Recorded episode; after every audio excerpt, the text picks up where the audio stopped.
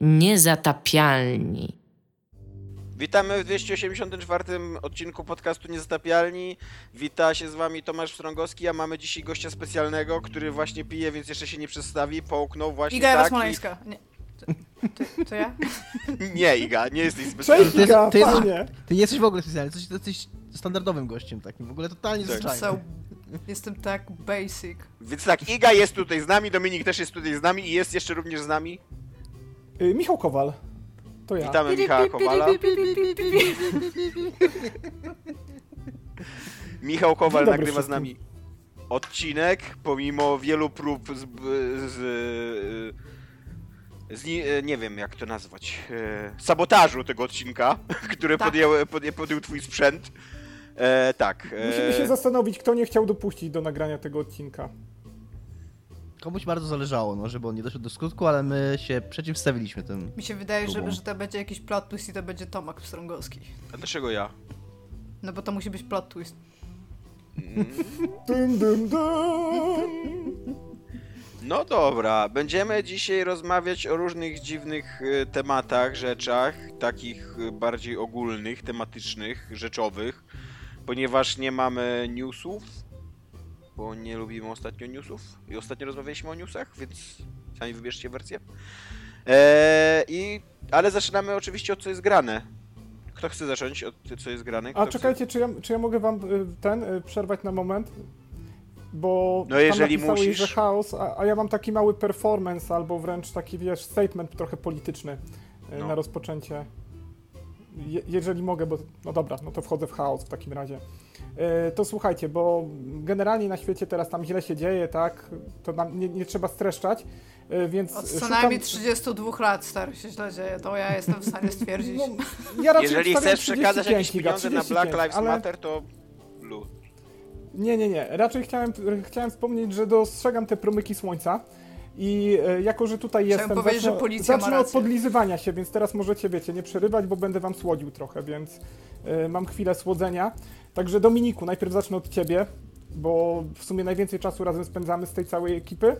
Bardzo Ci dziękuję, że jesteś. Uwielbiam Twój stosunek do świata, bo może jest trochę inny od mojego. Ostatnio mówiłeś, że wiesz, że nam popkultura mówiła, że fajnie jak nie dorastamy. Natomiast uważam, że y, właśnie ty pokazujesz, że czasem fajnie trochę nie dorosnąć i lubię ten. Ja może dorosłem za dużo i bardzo to w tobie lubię, kiedy z tobą spędzam czas. Tomku Strągowski, może tego nie wiesz, ale piszesz o tych Jezus komiksach tak sobie czasami.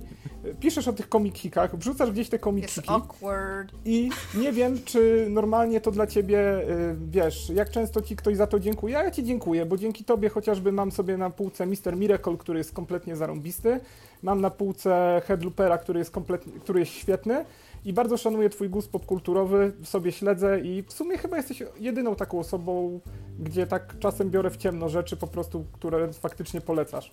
Więc bardzo ci dziękuję, twoja praca ma znaczenie. Dochodzimy do Igi. Iga jest super i teraz to jest najważniejsze. W ogóle wam tylko słodzę po to, żeby powiedzieć, że Iga jest super i to, że mamy Igę w tym świecie, to się może więcej nie powtórzyć. Więc Igę powinniśmy Miejmy szanować, nadzieję. Igę powinniśmy chwalić i Igę Są powinniśmy różne teorie na ten temat. nosić na rękach, bo druga Iga może nie przyjść. Ale Także możemy dziękuję, również to mieć taki nieskończoną performance ilość ich. artystyczny. To je- jeżeli mają niektórzy Tak, naukowcy. to jest... To też jest możliwość. Zobaczymy. Ja dziękuję Może Jeżeli za to. wszechświat, Jeżeli jeżeli wszechświat jest nieskończony, to jakby automatycznie wynika, że istnieje w nim nieskończona liczba ig. Mi się podoba, że to, co powiedział Kowal, było Dominik, powiedziałeś coś mądrego, co złapałem do serca. Tomek, piszesz bardzo fajne rzeczy, dzięki tobie odkrywam kulturę. Iga, jesteś. Iga, To jest twoja zasługa, generalnie Iga, spoko. twoim, Iga, te, Iga też tu jest. wiesz, ja, ja was słucham co tydzień i Iga naprawdę słucham głównie dlatego, To że ty ty tam jesteś jesteś. tym agentem teraz. FBI. Bo Dominika to ja mam, do, Dominika mam dosyć, co nie? A Tomek i tak pisze to wszystko na Facebooku, więc nie ma po co słuchać. Ej, Kowal, było już tak miło. Jak, jakby jak trafiliśmy z tamtego miejsca, to Dominika mam dosyć. To było Niepotrzebnie specjalne, grzebaliście, niepotrzebnie w tym grzebaliście. to było specjalne e, wystąpienie Michała Kowala. E, Żegnamy się już z Michałem. Było miło, fajnie, że wpadłem. To cześć, do usłyszenia. E, To nie dobra. było w ogóle ustawione. Tak, w ogóle nic a nic to nie było ustawione. E, Zaczynamy kącik, co jest grane. Dzisiaj chaos rządzi, jest y, dzika improwizacja. E, najpierw zacznijmy w takim razie od Michała, skoro jest takim tutaj promykiem słońca, który oświetla nasze y, styrane twarze nagrywaniem podcastów. Powiedz mi, y, co najbardziej żenującego doświadczyłeś ostatnio w popkulturze? Jeju, najbardziej... Wiem. Włączyłem dzisiaj, autentycznie dzisiaj. Coś tak patrzę na Netflixie. Pierwszy y, film na Netflixie w Polsce. To jest jakaś produkcja Polsatu, jak zostałem gangsterem, historia prawdziwa. Jako, że ja naprawdę czasem lubię słabe rzeczy. I oglądałem tego filmu godzinę, gdzieś zaraz nim zacząłem nagrywanie podcastu, więc to jest świeżynka. I jest to naprawdę żenujący film. To jest taki mm, coś zrobione ala teledysk, oczywiście, z polskimi aktorami. Właśnie to jest polski film, tam niby masa i gangsterzy i... I tak, połowy dialogów nie słychać, jak to za, przynajmniej nie rozumiem, więc włączyłem napisy, bo to jest polskie Trzeba kino, się, wiadomo. trzeba się wpisać w historię kinematografii, w której tworzysz, co nie? Nawet jeżeli kasa jest od Trzeba. Netflixa, to to jest nadal polski film, co nie? E, No i cóż, to jest taki film o polskich gangsterach, ale teledysk, gdzie trzeba wpaduje, władują seks, bicie i nasz narrator, taki dzielny narrator z WOF-u ciągle mówi, bo, bo wiecie, ja po prostu lubiłem się zawsze napierdalać i tam pokazują jak się bije, wiesz, potem jest cięcie, że go ojciec w domu, dlaczego się biłeś, potem zaraz, wiesz, on tam znalazł koleżankę, to zaczął, zaczął ten, handlować kobietami, bo koleżanka miała taką moralność i to jest, o Boże. Jest to tragiczne. Czyli to jest wszystko pierwsze wina miejsce na- kobiet. Ogólnie powiem tak, to jest tragiczne i jest to pierwsze miejsce na Netflixie. I nie wiem, co jest bardziej żenujące, jakość tego filmu, czy no, to, gdzie on się znajduje, Może- ale Może to jest Kino Wegi też- pierwsze miejsce. nie, Czy widziałeś nie. plagi Wrocławia? Nie widziałem, Iga, jeszcze nie widziałem. Jak mówiłem na wstępie, polecenia Tomka, śledzę nie twoje. Jesteś po prostu Ty super. po prostu jesteś. Iga, ty po prostu sobie bądź. Ja jestem. Będę piękna i będę milczeć. Ja się polecam, bo to jest bardzo fajny film, bardzo dobrze zrealizowany, to jest taki non-stop teledysk o gangsterach. Myślę, że obejrzę do końca. Y, Natalia Siwiec tam gra, więc też ma dobrą obsadę, prawda? Sprawdzonych polskich aktorów. Ale to nie jest papryka wegi. Właśnie nie, o dziwo. Jest ktoś jeszcze w Polsce, kto robi takie filmy? To jest tak, to jest taki jakiś uczeń Patryka Wegi, który gdzieś tam mu dorastał Vega Junior. obok niego. Taki Vega Boy. Vega Boy. No to jest takie właśnie w stylu Patryka Wegi, ale nie wiem co to jest za film. Ja nie wiem skąd to się wzięło, dlaczego tam chyba Polsat to niby produkował, dlaczego to powstało, co to jest, nie wiem, po prostu zobaczyłem, że na pierwsze miejsce i Ale, stwierdziłem, że to ale to w ogóle musi być e, smutna historia człowieka, artysty, który myśli sobie chciałbym robić filmy jak Patryk Wega, co nie? I tak, tak, tak pokieruje swoim życiem, Słuchaj. bo widziałem, widziałem taki film Patryka Wegi, jak tam Szczury Wrocławia, tak? I- Plagi Wrocławia. Plagi Wrocławia, pla- plagi Wrocławia i chciałbym takie filmy robić, co nie? To jest- Znaczy, inaczej jest taka Tomek, scena, inaczej, że- Tomek. Ja wiem, No, no. ja wiem, że się nie zbliżę do tego geniuszu, ale spróbuję. Bardzo się postaram robić takie filmy. Tam jest taka fajna scena, jak on... Plagi y, Elbląga. Jak ten, jak ten nasz gangster, ten, ten, ten narrator, bo on cały czas mówi z ofu em, i wymyślił skok i mu dali, poszedł do jakiegoś tam bossa Pruszkowa, czy może go zrobić, boss Pruszkowa powiedział, jasne, możesz go zrobić, ale tam y, ten, nie pamiętam jak, jakiś tam Młotek ma być twoim szefem w tym skoku, Młotek ma to prowadzić. No i Młotek, no i Młotek jest Ty wymyśliłeś szefem. ksywę młotek? No nie, on miał jakąś taką kafar, młotek, nieważne, no nie pamiętam. Don't care, serio. Ale powiedzmy, że mniej więcej taka ksywa jak młotek. No i młotek, on mówi, młotek jest tępy. No i gość ma problem, bo ma tępego szefa i to jest taki już problem Łomek. biurowy. w- Jak? Łomek, ty to Łomek. oglądałeś? Nie, ale mam otwarte tutaj Wikipedię z tym filmem. Nie? Nie, to jest Mogłeś- Łom, a Łomek to jest syn Łoma. to Rzeczywiście, rzeczywiście jest i łom, i łomek. Łom. To był Łom, Łomek to jego syn. Pamiętacie, że kiedyś było takie rozmowy w toku tam właśnie z polskimi gangsterami i kibicami i był realnie typ, który miał ksywę autobus? No dobra, i, i Więc- gada z tym łomem, I on ma taki problem ojcem z łomem. łomka. On ma pro... Tak, on ma problem z łomem, bo to jest taka sytuacja, normalnie jak w pracy pokazują, że dostał głupiego szefa, który ma prowadzić skok i to mu przeszkadza. I on jest wnerwiony i ma taką scenę, że on po prostu lubi się napierdalać i tak wychodzi do trzech kiboli, którzy piją na ławce z jednym szalikiem, on tak w roku ręki ma owinięty drugi szalik I mówi, ja się po prostu lubię napierdalać. Teraz takie slow-mo, on tak stoi, wiecie, wiatr wieje, stoi z tym szalikiem owiniętym wokół, wokół ręki, tak na nich patrzy, tak kamera najeżdża, cienie się po nim przesuwają. Majsterszczyk. Ym, a potem mamy tak, nawalanie kibiców w zwolnionym tempie. I nie wiem, co do nich powiedział, potem coś do nich mówi i niestety jeszcze napisów wtedy nie miałem włączonych, ale polecam generalnie. Pierwsze miejsce w Polsce na Netflixie. Znak jakości Kowala. O- Oglądam dzisiaj wieczorem do końca, tylko właśnie trochę jeszcze z wami wypiję, bo... Zachęciłeś mnie. Ja posłucham. Nie, nie, zupełnie nie. Jakby, jakby na wstępie się- po, poziom mojego zainteresowania był zero i udało ci się sprawić, że jest niżej. Moja misja tu została wykonana. E, dobra, Iga.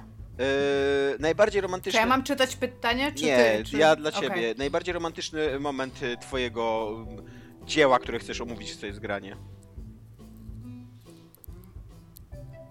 Wszystkie tytuły, w które teraz gram są tak wybitnie, to nawet nie o to chodzi, że są antyromantyczne, są po prostu...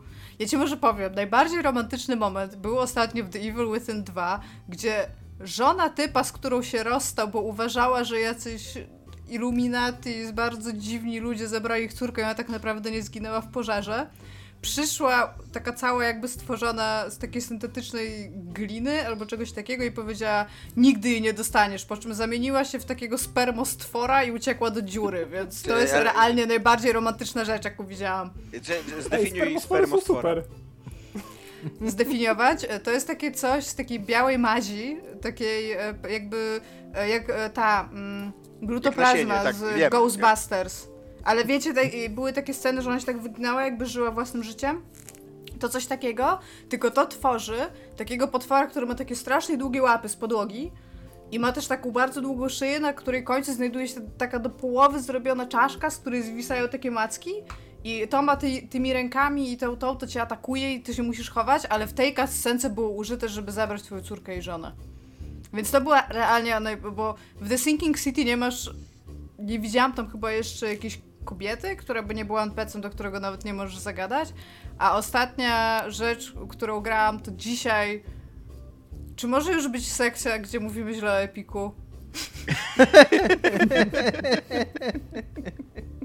Bo dzisiaj udało mi się i teraz I shit you not. Grałam pół godziny przed podcastem. Kiedy wam pisałam, że nie mogę się zalogować? Z godzinę wcześniej? No tak. Ja dzisiaj przez jakieś 40 minut starałam się zalogować na Epic Games Store, który cały czas mi mówił, że jestem robotem i nie mogłam przejść pieprzonej kapczy.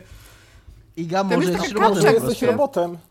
Znaczy, może być może robotem. tak, być może jestem, ale tam jest taka kapcza, że nie to, że musisz coś przeczytać albo coś, tylko że masz takie kółeczko i w tym kółeczku są zdjęcia takich niezdefiniowanych stworków, które są białe i jeszcze w takie ciapki, żeby było programowi trudniej rozróżnić jakby, nie? I patent jest taki, że ty musisz albo przesuwać je w prawo, albo w lewo, tak, żeby były... Żeby ustawić się w y, pionie. tak, że- żeby y, góra była u góry, dół był na dole.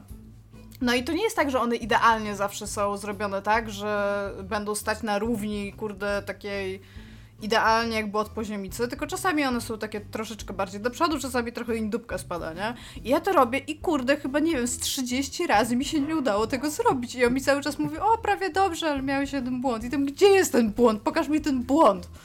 Więc Ale może to w tak, ogóle, bo w sumie co, to, chciałam... co to jest za kapcza, która nie dość, nie dość, że cię wykrywa, że jesteś e, robotem, to jeszcze ci mówi, już prawie, już prawie jesteś podobny do człowieka, ale postaraj się trochę bardziej, Tak. sztucznej inteligencji.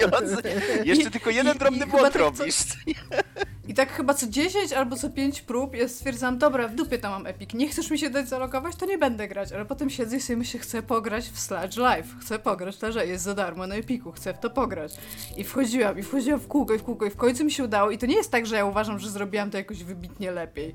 Po prostu mi się udało. I zaczęłam sobie grać w Sludge Live, gdzie chodzisz i wszystko jest w jakimś takim odpadzie, takim jakby po ropie albo coś takiego, w sensie takiej industrialnej ropie i chodzisz i tagujesz rzeczy na ścianach i pograłam, nie wiem, właśnie może kurde z 20 minut i, i już było czas na nagranie, a kapcze Kowal, ktoś ci whisky, musiałam, ktoś ci whisky wypija. a co musiałam się kapczy naciskać na rynku.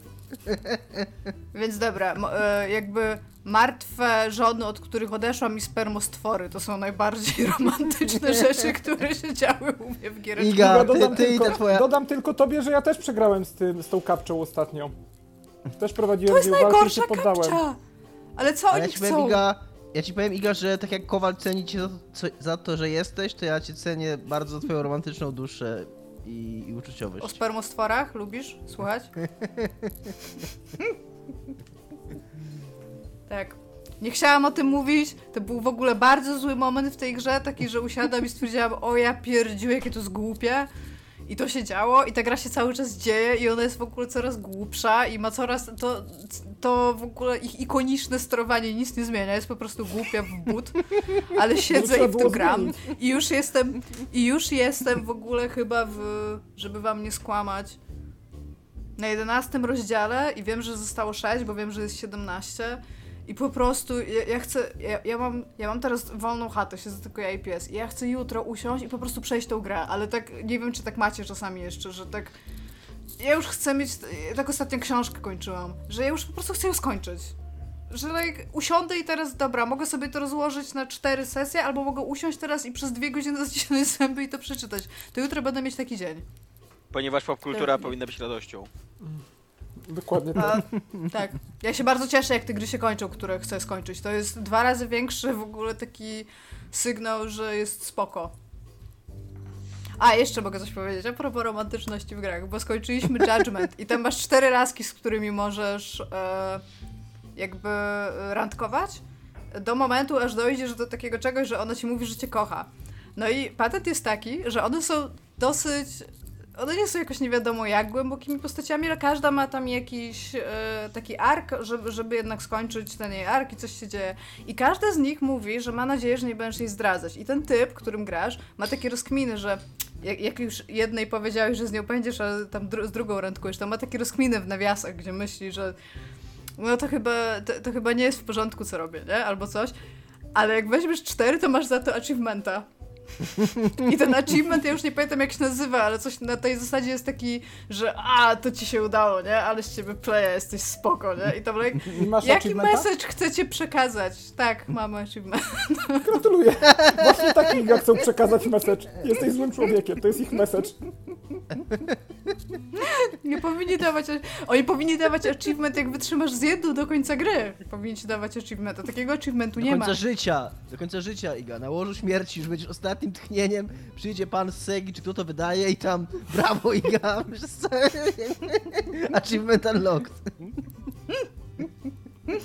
Więc tak, to też było bardzo romantyczne. Bardzo mi się podoba, że e, potępiłaś ich za to, jaki message oni chcą wysłać, ale jednocześnie totalnie poszłaś tą ścieżką. Ciekawe, czy mogę być z czterema dziewczynami naraz. O, mogę. Co z wami nie tak w ogóle? I tam jeszcze Wstydźcie taki, się. Ale tam jest jeszcze taki moment w tej grze. E, On nie jest ani jakoś na samym końcu, nic takiego nie będę go bardzo mo- mocno opisywać, ale jakby podsumowujący w- do pewnego momentu jakieś tam twoje friendships and shit i tam ludzie się pokazują i masz taki montaż, taki, że tam z tym miałeś dobry stosunek, z tym miałeś jakiś tam spoko, tutaj coś razem, tam ten i tam ten. I się tak zastanawiałam, czy będą cztery te laski tam po prostu razem. jako taka laurka twoich osiągnięć, ale nie, nie było. Tylko achievement. Ale dobrze, że miałaś w tej grze dobry stosunek z kimkolwiek, to. Ze wszystkimi. Po to gramy w grę. 48 na 50, właściwie nie ze wszystkimi.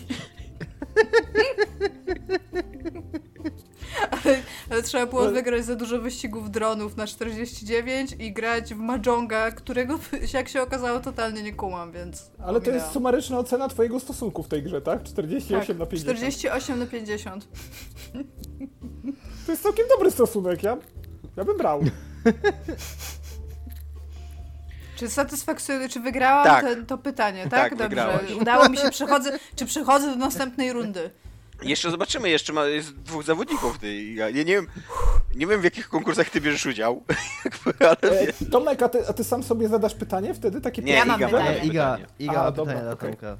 Jakbyś Wtedy czytał tą grupę, do której się dodałem, to byś wiedział. Nie, w Jezu, agendzie ale też wy tam było pierni, to. Ale wy tam pierniczycie, naprawdę. Tam na tej grupie po prostu milion postów. Wpuścić chamstwo na salony, co nie? Są ludzie, Dokładnie. którzy się zabijają o to, żeby być na tej grupie. Dokładnie. Pewnie ktoś taki jest. Są kolejki, są kolejki na kurna 30 lat, żeby się dostać do tej grupy. Bo. Odwiedzę ich groby. Jest, jest, jest, Postawię znicza na wszystkich jest świętych. setka ludzi chętnych na twoje miejsce, Michał. To tłumaczy tych ludzi pod moim blokiem. Jakaś pikieta właśnie stanęła. No dobra, Dominik. E, najsmutniejszy Tomek. moment twojego, co jest grane w tym tygodniu. Eee, skończyłem Final Fantasy VII Remake w końcu, więc obiecuję solennie, że jest to ostatni raz, e, kiedy w podcaście mówię o tej grze. I nie chcę powiedzieć, że to jest smutne, że tę grę skończyłem, ale autentycznie było. Jestem rozczarowany tą grą. I Adam Piechota mi mówił, że to jest gra 8 na 10 jego zdaniem, jak z nim gadałem. Ja mam takie wrażenie, że jakbym miał, miał oceniać, to może nawet bym dał jej 7 na 10, bo to jest bardzo dobra gra, która się dziwną super minę, grało. po tylu latach nagrywania podcastu nie pamięta, że nie widzicie jej. w która mi się super, w którą mi się super grało praktycznie od początku do końca, która mi się bardzo podobała i która na koniec jest tak, tak się tak psuje i się psuje tak, yy, tak nagle i tak drastycznie, że masz jeszcze no nie, no na pewno mieliście nieraz z, z dziełami kultury takie poczucie, zresztą o tym będziemy jeszcze mówić w odcinku, bo to jest jedno z pytań Tomka. I to było dla mnie takie właśnie takie poczucie, że kurna, ja władowałem tą grę 46 godzin i przez jakieś 40 bawiłem się świetnie. A te 6 ostatnich było tak fatalnych i to, że, że jakby kompletnie pozostawiło mnie takim wrogim wręcz do tej gry. A Tak, że, że jesteś byłem w stanie tak ogólnie powiedzieć, dlaczego to jest fatalne? Jestem w stanie, tak, tak, jestem w stanie. Tak, jestem w stanie. Ja tą grę od początku tobie i też w podcaście chwaliłem za to, że ona, ma- że ona ma pewien pomysł na siebie. Że to nie jest y, taki remaster na zasadzie, że tylko odcinamy kupony i robimy to, co się wam podoba i że były takie sugestie i takie od początku praktycznie takie y, skinienia głowy w stronę gracza, że oni wiedzą, co czym ta gra jest, że, że, i że jakby jest jakiś pomysł na to, że coś za tym idzie. I w ostatnich czterech godzinach ta gra odsłania karty i pokazuje, jaki to jest pomysł. I to jest bardzo zły pomysł. To jest bardzo zły, bardzo taki. Mm, mówię, no ciężko, ciężko z konkretów, a mówimy o, jakby o samym końcu gry, która niedawno wyszła, więc jakby ona totalnie nie spełnia obietnic, które składa na początku. Po Totalnie. samym końcu pierwszej części gry. No tak, tak, ale jakby ja, ja, ja się bardzo cieszyłem, że ta gra właśnie próbuje coś zrobić z fabułą, coś, coś nowego powiedzieć o- od siebie, a jak ją skończyłem, to miałem takie wrażenie, że kurna, jak bardzo bym wolał, żeby to było po prostu dokładnie to samo, co było w, oryginalnym Final Fantasy VII, że to, co oni wymyślili jest, y, jest, jest głupie, jest nudne, jest y, no jest po prostu, kurde, autentycznie, czułem się jakby ktoś przyszedł, teraz, która Tetsuyo Nomura przyszedł ku nas z mokrą, wielką rybą i po prostu mnie walnął w twarz tą rybą, no i było mi, autentycznie było mi smutno, także, Y, że, Fascynująca metafora. To, Dominik, bo ty mówisz, że było ci smutno i w ogóle, ale ta gra zrobiła coś dobrze wcześniej. Wręcz skłoniła cię do myślenia i snucia bardzo ważnej myśli i dzielenia się ze wszystkimi, więc powiedz proszę. Klasa słucha. nie wiem jak to, nie, wiem Nie? jakie to, jak to, Nie, bo chyba Nie grając w tą grę wysłałeś zaraz potem posta na Facebooku do 30 osób prawdopodobnie, żeby ktoś A, tak, zacytował, tak. więc coś Tak, ta gra tak. zrobiła jednak dobrze, Dominik. Tak, jest, to prawda, że to akurat jest prawda, że kiedy grałem w tę grę mając 15 lat i jechałem na tym motorze uciekając z budynku Shinry, to nie myślałem, że tu czegoś brakuje i myśląc o tym, że brakuje tam walki z helikopterem, który cię również goni strzela do ciebie, ale grając tę grę teraz, yy, przekonałem się, że faktycznie brakowało tam, brakowało tam walki z helikopterem. Ona teraz tam jest. jakby jest, jest ta sekcja uzupełniona o helikopter, którego bardzo brakowało w tej sekcji. Ja pragnę, Dominik, pochwalić w ogóle cię po tej sekcji z helikopterem, to co zrobiłeś, napisanie do 10 osób złotej myśli z nadzieją, że ktoś cię no, zacytuje na Do grupie. jakichś, do jakichś czterech czy pięciu napisałem tak naprawdę. No. A, no nie wiem, tam były tłumy, to są te tłumy pod moim oknem jeszcze, które stoją cały Do czas. ciebie, do Owsianego, do Tomka, do Patryka i jeszcze na grupę poligami, ale to tak, e, mówię, pery przed wieprze i żałuję, że im tam wrzuciłem, bo oni nie zasługują na takie nie wiem, mądrości z mojej strony. Także mówię, niestety bardzo rozczarowująca jest ta gra, koniec końców. Jest taka, że robi taki po prostu, kurna, taką woltę na koniec, że masz takie... Więc, i to było autentycznie, kurde, mam takie, o ile się super bawiłem przez te 42 godziny, to, no to jest, to jest najbardziej przykre takie, że na koniec ci gra robi coś takiego, tak, tak cię, jakby taki, sprzedaje ci taki, kurna, taki sucker punch, taki, taki kurde, tak? Myślałeś, że jestem dobrą grą, myślałeś, że, jesteś dobrą, że jestem dobrą grą 40 godzin, to zobacz to! Nie, i masz takie, nie. Naprawdę, i trochę to przeżywam ciągle. Iga, teraz do mnie. Już mogę? Tak, możesz Dobra, już. tylko ja, ja, ja chcę najpierw zadać pytanie, a potem. E, bo to pytanie się może wydawać proste, ale nie jest do końca takie proste, mi się wydaje. Ja się chciałam Ciebie zapytać, za jaką rzecz, czemuś, o czym byś chciał rozmawiać, dałbyś buzi i za jaką rzecz dałbyś w buzie? Tej, temu, o czym chcesz rozmawiać. Natomiast to nie oznacza, że jedną dobrą, jedną złą rzecz, tylko to jest bardzo. To jest bardzo jakby. Y, to, to jest bardzo zdefiniowane. Da, dać komuś y, buzi to nie jest tam powiedzieć mu dobra robota. To jest jednak jakieś konkretne uczucie. Tak samo dać komuś w buzi też jest trochę Jak- A Jakby dać komuś ja- do buzi? Uruchomię całą naiwność, która we mnie pozostała i Dziękuję. y, w buzie interpretuję jako w mordę. Dać, dać komuś po mordzie, tak? Możesz to zinterpretować jak A chcesz. do, a, albo do, do buzi dać komuś. Nie, właśnie, właśnie nie. Y, To by było potrójne pytanie. Jesteśmy y, naiwnymi ludźmi, którzy nie dostrzegają podtekstu. A mogę powiedzieć, jedy- którą byś dał, jak, za jaką rzecz dałbyś y, czemuś bu- buzi, drugą rzecz w buzie, a trzecią rzecz do buzi. No co wtedy? E, dałbym, dałbym buzi e, a short hike za to, że jest i za to, że Jest jest. urocze, nie? E, a short hike to jest e, gra, która jest wcieleniem dobra i piękna i przyjemności i mm, takiego w, poczucia miło spędzonego czasu, bo to jest e, gierka o dziewczynce, która jest ptaszkiem, takim jakimś takim Właśnie o nie wiem, ptaszku to jest... nie wiem, nie wiem, ptaszku. nie wiem, czy ona ma jakiś gatunek ptaka, jest czy jest po dziewczynką. prostu. Mm, co? Nie, no to, to jest... No nie, na, w no nie sensie, dziewczynka, to jest masz rację. dziewczyna, ale to jest jakiś tam... Tak, no. Tak, gdzie, i, i ona e, spędza wakacje u cioci. I, e, ta ciocia mieszka przy takiej górze i w ogóle tam jest e, taką. E, Ona tam chyba pracuje, bo ona Tak, jest tak. rangerem. ona, ona, Mhm. ona jest rangerem dokładnie i pracuje w takim parku krajobrazowym, coś takiego. No i nie ma tam zasięgu komórki, a główna bohaterka musi zadzwonić albo odebrać telefon. Też jedno, jedno albo drugie, no zależy co tam. E, I, e, no i ona musi wejść, właśnie ten tytułowa short hike, to jest takie, ta, ta jej wycieczka na, na, na szczyt tej góry, ona musi po prostu tam wejść. I... Tylko tam jest zasięg jakby. Tak, bo tam jest zasięg na, na szczycie tej góry. I ta gra jest autentycznie jest, jest tak miła i e, takie, takie, takie, takie budzi dobre emocje, ale nawet nie, nie tylko na poziomie tego, że tam są fajne postaci, które mają fajne takie odzywki i są w ogóle zabawne i miłe dla siebie i mają takie dobre przesłanie. I ta gra też ma takie dobre przesłanie, bo jak tam się okazuje, po co idziesz na tą górę i z kim rozmawiasz przez ten telefon i o co chodziło i tak dalej, to, to, to też jest takie, takie o, że takie jest ci miło na sercu i, i, tak dalej ale jednocześnie ona jest tak dobrze zaprojektowana, jest tak dobrze zrobiona, że, o, że obcowanie z nią to jest czysta przyjemność. Jakby to, jak się porusza twoja postać, jak ona reaguje na napada, jak tam, e, bo ta twoja postać potrafi latać, oczywiście jako, że jest ptaszkiem i szybować i tak dalej. I to, to wszystko jest tak responsywne i tak e, fajnie, tak, taki fajny feedback ci daje jako graczowi, że ty teraz... Jest też bardzo ładnie udźwiękowiona Tak. przy, przy okazji tego, o czym mówisz, że te, te, te soundki są w odpowiednich momentach po tym, kiedy naciśniesz te... Tak, i, no i, i też bardzo uroczo wygląda. Jest takim. E, no taki autentycznie taki właśnie czymś, co, czemu chcesz dać buzi, że ale fajnie, że jesteś. Nie? Fajnie, że fajnie, że wpadłeś do mojego życia, a short hike. A po buzi, czy ja bym chciał w ogóle czemuś dać? Chciałbym dać po buzi, okej, nie, niech będzie, tutaj Dominik się zaraz spuści, ale tak, znowu będę rozmawiał o, o, o, o Better Call Saul. chciałbym, chciałbym dać po buzi zakończeniu czwartego sezonu, ponieważ jestem w strasznym stresie po tym, co tam się wydarzyło. Piątego, Nie, piątego, piątego, chyba, piątego, tak? tak, piątego, masz rację.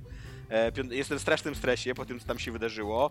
E, jedna z moich ulubionych postaci, którą jest Nacho Vargas, e, jej los dalej jest, y, że tak wyrażę, w niepewności dużej mnie trzyma, i, a, a ja go uwielbiam. Ale przy okazji, tak, ale przy okazji yy, istnieje, istnieje dużo argumentów za tym, że to nie będzie fajny los. Że, że nie będzie mu łatwo w życiu, o tak. tak. Ja, o tak, to jest dobry serial w ogóle, ja tobie polecam też, bo ty mi? oglądałem, nie wiem czy znasz. Jakby co, to jest dobry serial, naprawdę. Eee, Tak, i- wydaje mi się, że coś mówiłem na ten temat już. I tak, i, i, i uwiel, uwielbiam Nacho i uważam, że to jest w ogóle jedna z najciekawszych, to jest jedna z najciekawszych postaci w serialu, który stoi na ciekawych postaciach w ogóle. Jest rewelacyjnie zagrany, ma rewelacyjne motywacje, strasznie zagmatwaną sytuację ma, z której e, no wydaje się, że nie ma wyjścia, a jemu cały czas się udaje jakoś przyśliznąć, wyśliznąć. E, i, I tak, i i, teraz jak mam czekać dwa lata, tak Dominik ostatnio spekulował, że mniej więcej w 2022 może powrócić ten serial dopiero, e, no to jest to dla mnie być może nie No do wytrzymania, na pewno trudne do wytrzymania. E, więc tak, nie, nie powinno się robić takich rzeczy, nie robi się takich rzeczy. Ale chciałem powiedzieć jeszcze tutaj publicznie i Tomek teraz nie może, nie, nie może e, wycofać się z tego, e, że ostatnio był u mnie w odwiedzinach Tomek e, z żoną swoją i autentycznie chyba z godzinę siedzieliśmy i się podniecaliśmy, jakie Battle Console jest super, więc to miało miejsce, to się wydarzyło, byłem świadkiem tego. Tak, to miało miejsce, to się wydarzyło i Dominik był świadkiem tego, to prawda. Czekaj, był świadkiem czy był uczestnikiem tego? Był również uczestnikiem. Uczestnik... Byłem Okej. uczestnikiem. Myślałam, że przyszliście do niego i przez godzinę wy do niego mówiliście. Nawet nie do niego, do siebie. E, To by była wizyta w ogóle. Mega. Cześć Domek, my siądziemy i będziemy rozmawiać o Better Call Saul. Nie wtrącaj się. no a tak, a ty, a, dolewaj, whi- dolewaj whisky, a ty nie piwo. możesz ani słowa powiedzieć. Dokładnie. Ty się nie znasz. Ty, ty obejrzyj, to jest dobry serial. E, ale tak, ale jest e, fenomenalnie jest ten serial, bardzo polecam. Jest. E, no i na, naprawdę, wszystko co tam robią, on jest, on jest tak dopieszczony, tak zagrany i, e, i tak napisany, że kurde. Cieszę się, że się dałem zmusić Dominikowi w końcu. Obejrzałem go, mam Czy, czy w takim razie całego. dałbyś, mu- dałbyś mu w buzię?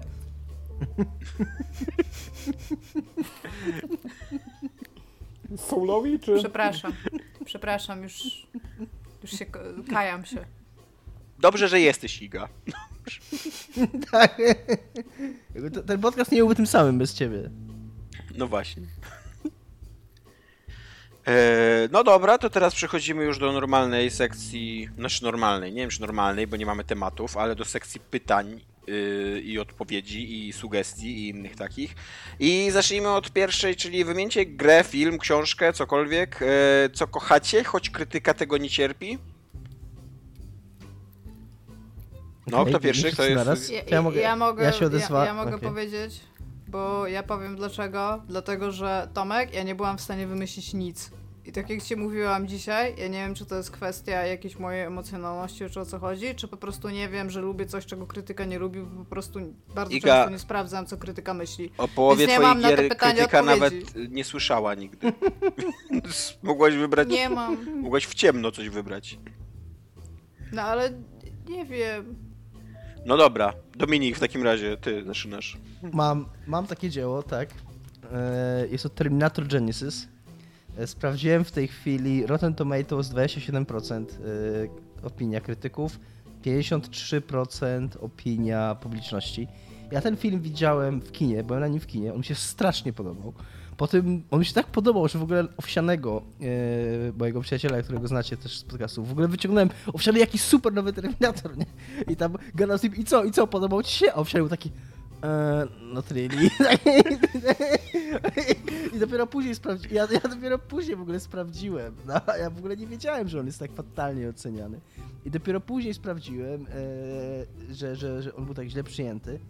I trochę rozumiem czemu. Jakby Owsiany mi też trochę wytłumaczył, jakby jakie on miał zarzuty do tego filmu.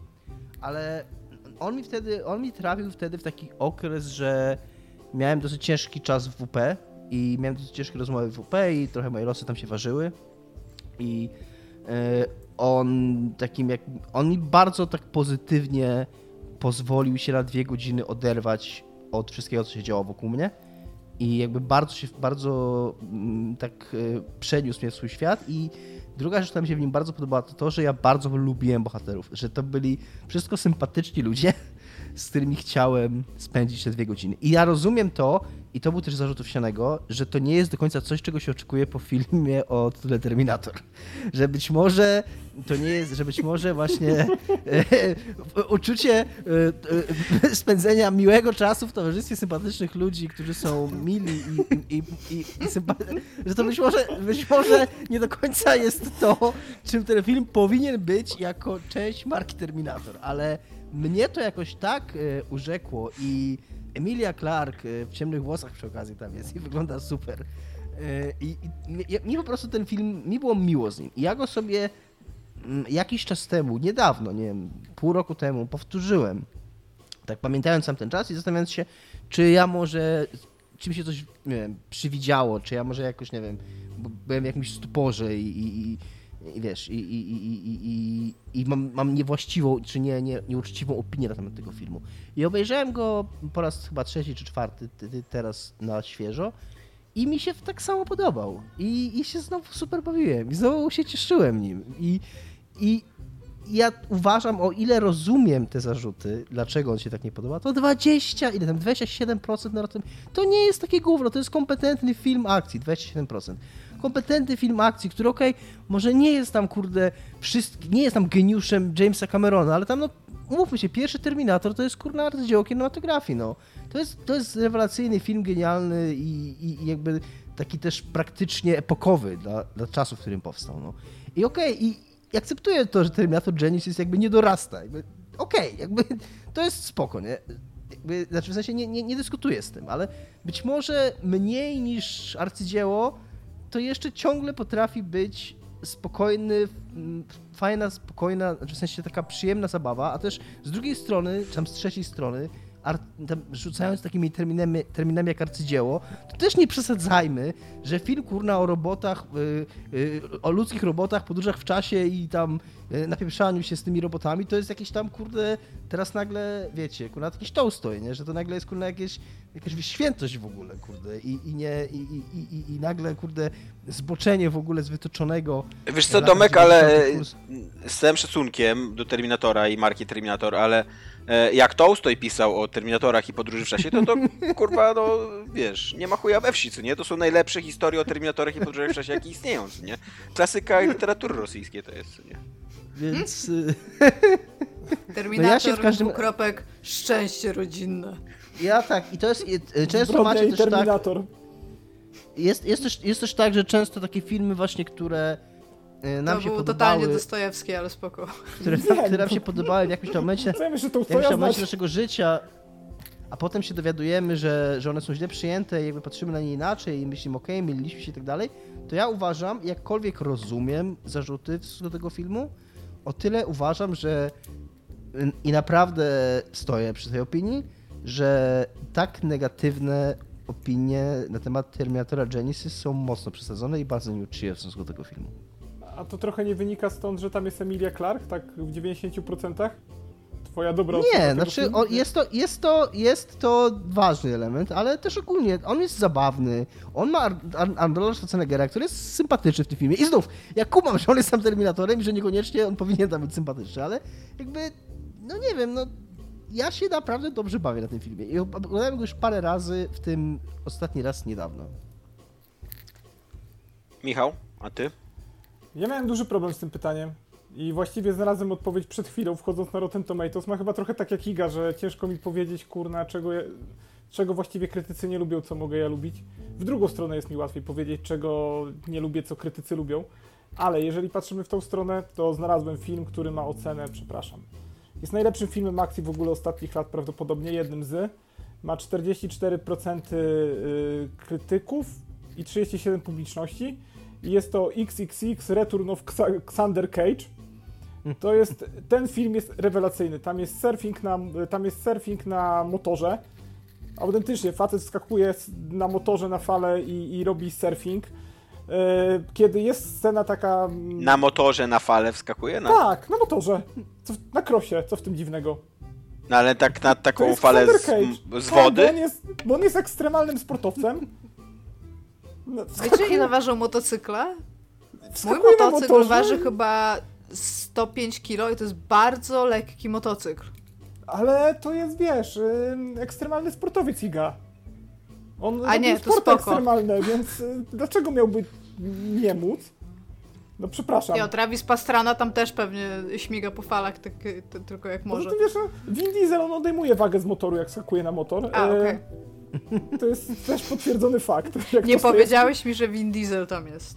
Tak jak pisał Tolstoj i Dostojewski, oczywiście to jest film o Wi- Winie i więc on może wszystko. On, on na deskorolce tam zjeżdża z gór, ale y, jest tam na przykład taka scena, wiecie, zbierania ekipy na mm, jakiś tam heist muszą zrobić, czy tam i zbiera ekipę, że dokładnie już nie pamiętam, ale to jest gościu, który otwiera sejfy, oczywiście to jest super kierowca, a to jest najlepszy DJ na świecie. Bo potrzebujemy DJ-a, żeby zrobić napad. I autentycznie potem jest impreza. Ale co, co? W ogóle, Najlepszy jak określili go jako najlepszego. DJ-a na świecie? Ty wygrał złoty medal na olimpiadzie DJ-ów? Michał, ale co, co oni robią? Co za przekręt oni robią? Nie pamiętam, Tomek, nie znam, nie pamiętam już dobrze tego filmu. Tam fabuła bodajże nie jest najważniejsza. Tam się po prostu dzieją rzeczy. Jakby, jak nie widzieliście tego filmu, ja gorąco polecam, bo jest to jeden z takich filmów, nie wiem na ile oni go kręcą poważnie, na ile niepoważnie, ale wiecie, jeżeli już szybcy i wściekli zostają w tyle, jak oglądasz jakiś film i te akcje, które tam się dzieją i masz takie, co się dzieje, to jest film, który ma być cały, on przypomina trochę produkcję bollywoodzką bardziej niż, y, niż, niż hollywoodzką. Po prostu masz jedną przesadzoną akcję na drugiej i do takiego stopnia, że to się ogląda aż przyjemnie. A do tego, co jest często, masz często taki przypadek, że oglądasz filmy, które są tak złe, że aż dobre, tak? Jest taka kategoria filmów, że ludzie często to oglądają, lubią. Ten film taki nie jest. On jest po prostu... On jest tak zły, że się przebija na drugą stronę. On jest y, trochę... Genialne. Być może, być może to jest słowo tak jak Tołstoj i Dostojewski, obojętnie który, być może też Tołstoj i Dostojewski byli jednym człowiekiem, nie nam oceniać, ale ten film jest genialny. Iga po prostu y, go with the flow, co Nie, tak, tak, okej. Literatura rosyjska, jeden człowiek. rozumiem. XXX, Tolstoj, Dostojewski, no. Najwybitniejsza książka, XXX to jest najwybitniejsza książka Tolstoja Dostojewskiego. No czytałam, czytałam w liceum, pamiętam. Zaraz, napisał zaraz po Terminatorze, więc y, miał No, trochę więcej pamiętam, nawet jak omawialiśmy ten moment, kiedy jeździł motocyklem po falach i że to była metafora życia w Rosji wtedy. Tak. A później, a później tą kobietę się kieruje. Zawsze może zalać tobie bak. Zawsze może zalać tobie bakcar. E, ja, mam, e, ja mam taką odpowiedź e, na to pytanie jak Speed Racer. Nie wiem, czy pamiętacie o takim filmie e, braci Wachowskich, wtedy jeszcze braci, dzisiaj już Wachowskich, który jest e, ekranizacją takiego klasycznego anime z lat 80., 70., jakoś takie, coś takiego. To anime zasadniczo miało taką fabułę w stylu, no po prostu tam się ścigamy, ale jednocześnie jako, że to jest anime, no to jest tam cała, ca, cały taki, taka warstwa melodramatu i telenoweli, że tam każdy z każdym konkuruje, każdy się okazuje ojcem każdego, miałem jakąś mro, mroczną tajemnicę i tam i, i, i, i to, co jest absolutnie wybitne w tym filmie moim zdaniem, a czego w ogóle krytyka zachodnia nie wychwyciła, to to, że to jest bardzo realistyczna adaptacja tego anime. Że to jest autentycznie tak, że autorzy tego filmu y, albo byli zakochani w anime, albo zakochali się w tym anime, jakby realizując ten film i postanowili, nie zrobimy europejskiej wersji japońskiej bajki dla dzieci, naszej europejskiej, takiej zachodniej wersji japońskiej bajki dla dzieci, które, z której właśnie z idiotycznej, melodramatycznej, telenowelowej opowieści o wyścigach zrobimy, kurde, teraz poważną historię o wyścigach i zemście z Winem Dieselem, który tam będzie mówił poważnym głosem i wszystko będzie takie, takie bardzo hollywoodzkie,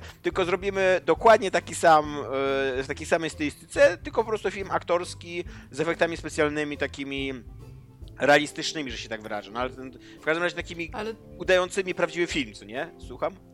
Bo ja nie widziałam tego filmu, ale Speed Racer, w sensie ta główna postać to nie był chłopiec? Był chłopiec, tak. Ale on był młodym chłopcem, nie? Tak. Okej, dobra, Znaczy to tutaj coś w tym, filmie, w tym filmie on chyba nie jest aż tak młodym chłopcem, jest chyba trochę starszy.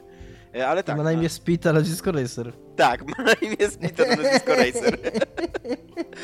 I, i na, na przykład to jest film, w którym normalnie jest. Jak, jak się nazywasz Racer i się nazywasz, bo to Japończycy, tam jakiś Yasuhiro Racer i twoja żona się nazywa tam jakoś Yanami Racer, to nazywasz dziecko Speed, dude. Tak, i, i, i jest to wtedy animka o szachach. E, pewnie tak, tak może być. Jest to e, absolutnie film, który, w którym jest na przykład kung fu e, samochodowe. Takie jak tam, e, jak, jak, jak, jak, jak robisz animkę, co nie, dla, dla dzieciaków w latach 70., która jest kiczowata jakby z samego założenia, no to samochody nie mogą się po prostu przepychać na torę, tylko tam są jakieś specjalne techniki i ciosy inne i, i oni to absolutnie po prostu wzięli, przełożyli na język takiego filmu hollywoodzkiego i Ale ta- tam się Też dzieją musisz pamiętać o tym, że to też jest bardzo ważny wątek w historii literatury rosyjskiej. Więc najprawdopodobniej Kung fu- zaciągnęli kung fu też samochodów. troszeczkę ikonografii stamtąd, no. Tołstoj i Dostojewski. Tak. E, I, i, I strasznie, właśnie strasznie za to ten film cenię, że on e, e, jakby tak e, nie bał się, nie bał się e, oryginału, nie bał się miejsca, z którego się wywodzi, co nie? Jakby e, za każdym razem, jak ktoś się bierze za ekranizację japońskiej popkultury, albo w ogóle nawet takiej jakby in, infantylnej popkultury, no to od razu myślimy, ja pierdzielę, co nie? Że to będzie teraz poważne, będzie miało wąsa i będzie udawało tutaj, kurde, y, poważne kino. Albo tak samo jak się ktoś bierze za ra- ekranizację giereczek, co nie? No to teraz już, kurde. Trzeba będzie to wszystko y, zrobić dla, dla, dla, dla dorosłego, dorosłego widza, żeby to zrozumiał i tak dalej. A właśnie w tym Speed, Racer, Speed Racerze absolutnie jest taka w ogóle y, taki tryb bez, bez trzymanki, z mnóstwem kolorów, y, mnóstwem zaba zabawy, z takim, z takim autentycznie dziecięcą, dziecięcym entuzjazmem zrobiony film, nie? I to było jakoś zbombardowane przez I krytykę? to było strasznie zbombardowane przez krytykę, tak. Było, to jest ciekawy w ogóle przykład, o którym mówisz, bo to jest film, którego ja nigdy nie widziałem i to trochę właśnie z powodu krytyki, bo Wachowcy, no to wiadomo, wtedy jeszcze Matrix i tak dalej, nowy film Wachowskich. Ten film Speed Racer był tak potem zbombowany, że w sumie ja go do dzisiaj nie obejrzałem. Mam go gdzieś tak w głowie, jak on się pojawia, a może go włączę, ale wręcz mi się zakodowało w głowie, że taka po co będę tracił czas, co nie? I tak jak on się gdzieś pojawia, tak sobie myślałem, może to obejrzę i do dzisiaj nie widziałem. Jest mega fajny, naprawdę e, to jest taki film, który ci sprawia mnóstwo frajdy, jak go oglądasz. Pod warunkiem, że jakby kupisz konwencję, co nie? Ale tam są na przykład takie typowo e, sceny z anime, jak mają to tam do mety 3, 3 metry, co nie? Powiedzmy. Autentycznie tak, to nie jest przenośnia, mają ze 3 metry te samochody, co nie? I jedzie trzech, trzech ludzi, jakby trzy samochody obok siebie, co nie? I każdy z nich prowadzi monolog z wewnętrzny na jakieś 5 minut wtedy, co nie? I oni te 3 metry dalej są 15 minut później w filmie. co nie? Bo muszą całe swoje życie przemyśleć, całą motywację, wszystkie te zdrady, których doznali w tym czasie i tak dalej, co nie? A to Rewelacyjne jest ten moment, Tomek, widzisz, nie, nie byłeś nigdy sportowcem na 3 metry przed metą, więc Może to jest tak. realistyczne, tak po prostu bywa. Podejrzewam. Może rzeczywiście tak jest, to prawda. Ale, mi, ale powiem ci tak, Tomku, przekonałeś mnie. Chcę to zobaczyć. Chociaż ja Speed Ja to film. pamiętam nic. Ja widziałem ten film e, za czasów wirtualnej Polski, jak e, Tomek właśnie wtedy mi go bardzo polecił i o ile nie podzielam zachwytu, o tyle bawiłem się spoko i podobał mi się i tak, jakby nie mam zastrzeżeń. Jakby nie, nie, nie, nie czułem, nie miałem Czy spędziłeś czasu. e, Czy... miły czas z sympatycznymi przy... aktorami? Nie, W sensie nie aż tak, w sensie nie, jakby nie mam jakichś takich ciepłych bardzo uczuć do tego filmu. Miałem takie, że się dobrze bawiłem po prostu i jakby okej, nie, nie, nie, no. E, no dobra, kolejne pytanie. E, to może zmienimy zupełnie mańkę, wrócimy co najwyżej do tego tematu. E, najlepsze wykorzystanie kawałka muzycznego w grze wideo. I może być to zarówno jakiś singiel, czyli piosenka, do, która leci w grze wideo, ale może to być też jakiś moment, gdzie score growy po prostu wszedł mocno i zapamiętaliście to emocjonalnie. Iga, jako że ostatnio uniknęłaś odpowiedzi, to teraz ty zaczynasz. Ja mam. Jakby tak, e, od razu powiem, jestem pretty basic tutaj. E, Wiem, że najfajniej wchodzą rzeczy, które są na samym końcu. Najczęściej po prostu jest to taki moment, że jak, jak dostajesz te napisy końcowe, to już masz bardzo wysoką endorfinę, bo coś ci się udało zrobić i w tym momencie jeszcze dostajesz jakby gloryfikację faktu, że jesteś taki super.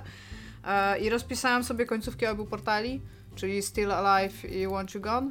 Oraz rozpisałam sobie ostatni kawałek z Bastionu, który się nazywa Setting Sail Coming Home, który jest remixem y, piosenki, która była wcześniej, a, która też jest w ogóle sama z siebie bardzo dobra i to jest chyba Dig a Hole.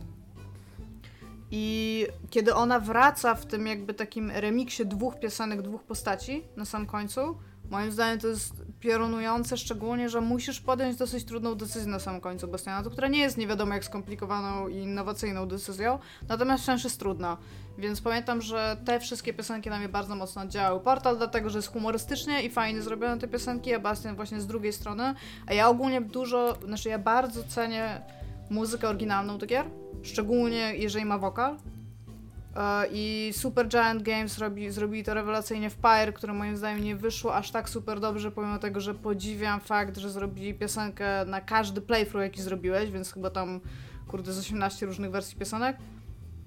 To e, uważam, że Bastion jednak wygrywa w tej kategorii jest lepszy od Pyre, jeżeli chodzi o muzykę. Więc tak, wybrałam te dwie. Michale? Ja mam odpowiedź chyba dosyć oczywistą, bo tak jak zadajesz takie pytanie, są takie chyba z trzy odpowiedzi dosyć oczywiste, jedną zostawię Dominikowi. Yy, I jestem Dziękuję. bardzo ciekawy, bardzo, jestem bardzo ciekawy, czy akurat to poda. Yy, Myślę, że tak. też, też, też, też mamy portal. I ja na ja, może skończmy tą rozmowę, ja skoro wszyscy się oczywistą i możemy kończyć, e, czyli Entering Mexico w e, Red Dead Redemption. E, Jose González Far Away, kiedy wjeżdżasz do Meksyku. E, w, Red Dead Redemption swoją drogą jednej z najlepszych gier, e, przynajmniej dla mnie, jakie wyszły. Jest to tyle świetnie zrobione, że ta gra nie robi wcześniej takich zagrań. Ona wcześniej nie gra w taki sposób kompletnie muzyką, więc kiedy po dosyć intensywnej strzelaninie tam uciekamy, wjeżdżamy do tego Meksyku i faktycznie mamy taką piosenkę, która troszkę mm, muzyka, gdzie trochę lecimy w taką nostalgię, gdzie i ta kamera zaczyna sama mm, trochę działać e, wbrew nam i pokazuje te krajobrazy Meksyku i dochodzimy do takiego uspokojenia. Kiedy, kiedy w tej grze brało cię to kompletnie z zaskoczenia, a akurat tak było też w moim wypadku, no to nieziemsko to robiło robotę, jakby takie uspokojenie, wejście w taką trochę nostalgię właśnie, y, było, robiło to niesamowite wrażenie i to jest tak bardzo po stronie game designu wykorzystane, razem właśnie z ruchem kamery i z tego, co tam się dzieje, kiedy wjeżdżasz. Jest to taki, jest to świetny strzał z nienacka, bo I to jest w ogóle tak dobry, to jest tak dobry strzał, że Red Dead Redemption 2 strzelało w ten sposób z 7 razy w trakcie Tak, i nie trafiło. I właśnie tak. to jest najważniejsze, że to jest tak dobre, bo to jest. Nie wiem, czy to się jeszcze powtarza w Red Dead Redemption 1, czy nie. Wydaje mi się, że jest tylko raz takie wrażenie, wiesz. Nagle mam jeszcze piosenkę z offu, to się nie dzieje po prostu w tej grze. I przez to, że to jest raz, to po prostu tak kopie tyłek, to jest coś świetnego. I e, no właśnie, i Red Dead Redemption 2 chociażby. To jest dobre pokazanie, dlaczego Red Dead Redemption 2 nie jest tak dobrą grą jak, RD, jak Red Dead Redemption 1. No właśnie, to, chociażby tutaj, właśnie, że tam robił to 7 razy, tam w dwójce wszystko robił 7 razy i to tak nie siada. Natomiast jedynka potrafi tak prosto w punkt i to jest taki strzał właśnie z rewolweru, wiesz, który tam gracze oberwali i jeżeli faktycznie Prosto nawet nie serce, wiedziałeś, że to prosto w serce, powiedziałbym, że tak. Jeżeli nie wiedziałeś, że to ciebie czeka i po prostu grając w tą grę, to jest dla mnie takie autentycznie jedno z najlepszych wspomnień growych, jakie mam, które pamiętam i które gdzieś tam, gdzieś tam siedzi, no. Ym, rewelacja. I Dominiku? chyba ci, którzy tym jeszcze- się zgodzą, sorry. że to jest oczywista odpowiedź, tak, i już kończę. Y, Ja, moja odpowiedź jest o tyle oczywista, że dotyczy gry w miarę nowej. Jest to gra Control. I mówię tu o O. poziomie, o poziomie z e, Ashtray Maze, czyli z e, labiryntem popielniczki, w którym jest wykorzystana piosenka zespołu Poets of the Fall, co było dla mnie taką podwójną radością, jak ta sekwencja się odpaliła, że ja jestem fanem Poets of the Fall od e, Maxa Payne'a 2, gdzie ich piosenka Like Goodbye była w napisach końcowych. E, I ja wtedy odkryłem ten zespół, wtedy w ogóle musiałem z jakiegoś Direct Connect ściągać ich piosenki i to w ogóle trzeba było się łączyć z fińskimi hubami, bo tam mm, wtedy to był taki mega niszowy zespół, tylko w Finlandii znany i autentycznie trzeba było tam się z, do Finlandii łączyć, żeby w ogóle te piosenki ściągnąć i tam trochę zajęło skompletowanie mi ich pierwszej płyty e, w MP3. E, I bardzo cenię, bardzo lubię ten zespół od tamtego momentu i ich piosenki były od Maxa Payne'a 2, znaczy Max Payne 2 to takie wie- wielkie słowa, w każdej grze były. No. Max Payne 2 była, w Alanie Wake'u było nawet kilka i później nie, w Quantum Break nie było, czym ja byłem rozczarowany i było mi trochę smutno, że, że zostali powinięci w tej grze, więc trochę po cichu miałem nadzieję, że ich piosenka pojawi się w Control i nie dość, że się pojawiła, to pojawiła się w tak zajebisty sposób, bo pojawiła się nie tam gdzieś w napisach końcowych, czy gdzieś tam na, na boku, tylko jest cały level e, zbudowany wokół tej piosenki. Ona jest w nagrana specjalnie w taki sposób, żeby działać z levelem. To znaczy, ona ma takie sekwencje przejściowe, te bridge takie chyba tak to się nazywa, gdzie ktoś tam. Ona, ona jest tak zmontowana, żeby jeżeli na przykład powtarzasz, bo cię zabiją, albo że dłużej biegasz po jakimś, jakiejś lokacji, to tam się zapętla pewien fragment tej piosenki. Ona jest cała, mm, jako że Poets of the Fall y, to są jakby przyjaciele, tak, czy bliscy na pewno znajomi y, ludzi z Remedy, więc y, oni tą piosenkę pisali specjalnie pod tą grę i pisali ją w taki sposób, żeby była dopasowana do tego levelu. Czyli to nie jest tak, że ktoś wziął jakąś piosenkę i sobie ją wykorzystał, tylko autentycznie ona jest napisana tak i tak skomponowana, żeby masz takie wrażenie przechodząc na level, że ta piosenka, która jest piosenką z wokalem w ogóle, że ona reaguje na to, co się dzieje w tym levelu. I to trochę tak jest. Ona trochę, ona ma takie, ona ma takie punkty mm, przejściowe? Że, że, że oni wiedzą, że w tym momencie będziesz się strzelał, więc to jest nagrane tak, że może tam jakaś instrumentalna sekcja trwać tak długo, jak musi trwać, żebyś strzelał w tym czasie, że, że, żebyś, żeby te punkty wokalu i te punkty kulminacyjne w piosence siadały dokładnie w tym momencie, kiedy mają siadać, bo w tym levelu coś się dzieje i to jest y, super y, pomyślane, super zaprojektowane i, i dla mnie to było po prostu, jak, prawie że klaskałem w rączki w ogóle jak, jak dziecko, jak to, jak to było. Iga? Cześć Iga. Bo ja chyba wiem, co może powiedzieć Tomek i powiem, że się w sumie z nim zgadzam, bo nagle zaczęłam o tym myśleć, ale powiem, że nie ta nie ten wynik, jaki ja chcę powiedzieć. Dziękuję. Ale co? co? Powiedz to, co chcesz powiedzieć i zobaczymy, czy o to samo. E, przede wszystkim chciałem powiedzieć, Dominik, że mnie mega rozczarowałeś, bo byłem pewien, że nie muszę brać as Gods z Nier Automata, bo ty weźmiesz. Ojej. I, o, jest dobry, jest to, dobre. że nie będzie tego, tego tutaj y, jakby no to na podium, to jest y, dyshonor dla tego podcastu. To prawda, jest to prawda, masz rację, no. A moje, Iga, ja nie wiem, czy ty, bo w ogóle y, skąd się wzięło we mnie to pytanie, to się wzięło stąd, że oglądałem ostatnio trailer, jak chyba 3 czwarte świata, e, The Last of Us 2. I jest tam sekwencja, e, gdzie e, główna bohaterka, jak ona ma na imię? Eli? Tak? Eli. E, morduje dziewczynę, która gra w Hotline Miami. I autentycznie, i ona gra w Hotline Miami, słuchając tego kawałka Hydrogen e, zespołu Moon. I ja, ja jak usłyszałem ten kawałek, to, to miałem w ogóle takie, takie błyski, jakbym miał PTSD, że takie, takie, w ogóle, takie całe plansze z Hotline Miami i, i, i te kurde godziny, które ja spędziłem w tej grze i to, że one, że te kawałki się w ogóle nie, nie, nie przerywają jak umierasz, tylko to jest taki, taki jeden ciągły, ciągły miks takiego mordowania i muzyki, mordowania i muzyki. I, i e, ja muszę coś powiedzieć, przepraszam Tomek, ja... przerwę, ale nie, teraz ja będę mówił, e, bo zapomnę o tym. E, a o tej mi przypomniało o tym, że w ogóle Karol Klucznik, czyli osoba w ogóle z najlepszym nazwiskiem ever, jeżeli chodzi o swoją rolę w naszej grupie, bo rozdawał klucze do Steama. dzięki niemu dostałem właśnie Hotline Miami, a w dodatku jeszcze, jak dzisiaj z nim gadałem, to napisałem, coś tam tak się wiesz, pytał mnie, że, że co, co bym zagrał, czy coś tam i właśnie powiedziałem, że bardzo bym chciał zagrać w Pathfinder Kingmaker czyli to jest takie izometryczne RPG mm, trochę w, w DDK i coś. I totalnie kurna mi kupił tą grę, więc yy, w ogóle szacun, dziękuję i jestem mega i po prostu to, że to jakich mamy słuchaczy, ja nie wiem w ogóle, nie zasługujemy na was i, i na to, jak wspaniali jesteście. Tak, przestańcie nas słuchać w ogóle. Dobra, Tomek, myślałam, że powiesz, myślałam realnie, że powiesz, że karaoke w Disco Elysium. I bym się zgodziła, bo to jest mega dobry moment, ale tylko jak skefisz ten krytyczny y, test. Bo ja go skefiłam i byłam zachwycona. On po prostu tam z serca śpiewa. On, śpiewa, on nie trafia w żaden dźwięk. Wszystko jest kurde źle, ale po prostu to jak to brzmi, jak ja teraz znam tą piosenkę, to ta piosenka jest piękna i ona jest ten, ale po prostu ja ona się ma nijak do tego, jak ci nie wyjdzie ta sekwencja, jak ci nie wyjdzie ten test. Bo to, w jaki sposób w ogóle ta, ta, to, to, się dzieje, jak on się drze do tego mikrofonu jeszcze z tą siatką do browarów w moim wykonaniu i tymi rękawicami. I on, I on to widać, że on się tak męczy, bo tak to on po prostu mówi. On, jak, jak się wyjdzie ta sekwencja, on mówi tym swoim takim przepitym głosem i to jest fajne. Ale on śpiewa, jak ci nie wyjdzie. I on totalnie nie umie śpiewać, a w życiu nie powinien śpiewać. Wiesz co, Iga, ja, bym- ja nie powiedział, że to jest... na- a W ogóle nie nie przyszło mi do głowy, żeby tego, ten, e, ten numer podać, ten, ten moment. Trochę dlatego, że to jest taki moment trochę wyjęty z tej gry. Jakby ta gra ma zupełnie inną ścieżkę dźwiękową. I ona ma rewelacyjną ścieżkę dźwiękową. Jakby tylko to, to, to nie jest jakby śpiewanie karaoke i to nie jest takie, wiesz, tego, Ale tego on rodzaju... internali... Nie, to jest totalnie... To, to jest to, to, że jaką ta piosenka, też to jaką ta gra ma ścieżkę dźwiękową, to jest jedno, ale to jak, jaką ona ma taką jakby podskórną ścieżkę dźwiękową i to, że ty internalizujesz najsmutniejszą piosenkę, jaką istnieje i że on idzie to zaśpiewać na karaoke, czego nie powinien w ogóle w życiu robić, ale to jest... To, to, to, to jest ważne, żebyś to zrobił. I to jak dużo musisz w ogóle włożyć, żeby to się w ogóle stało, żeby, żeby tam znaleźć, tam w ogóle załatwić to wszystko. I to jak tam podchodzisz i ci jeszcze w ogóle nie wyjdzie ten test i jakie to jest w ogóle piękne i jak ty tam siedzisz i się patrzysz na ten taki total disaster. To jest po prostu, to jest coś, co tą skalę po prostu już przy ten, to, to jest już, to zaczyna być sztuka. To jest taka sztuka w największym formie.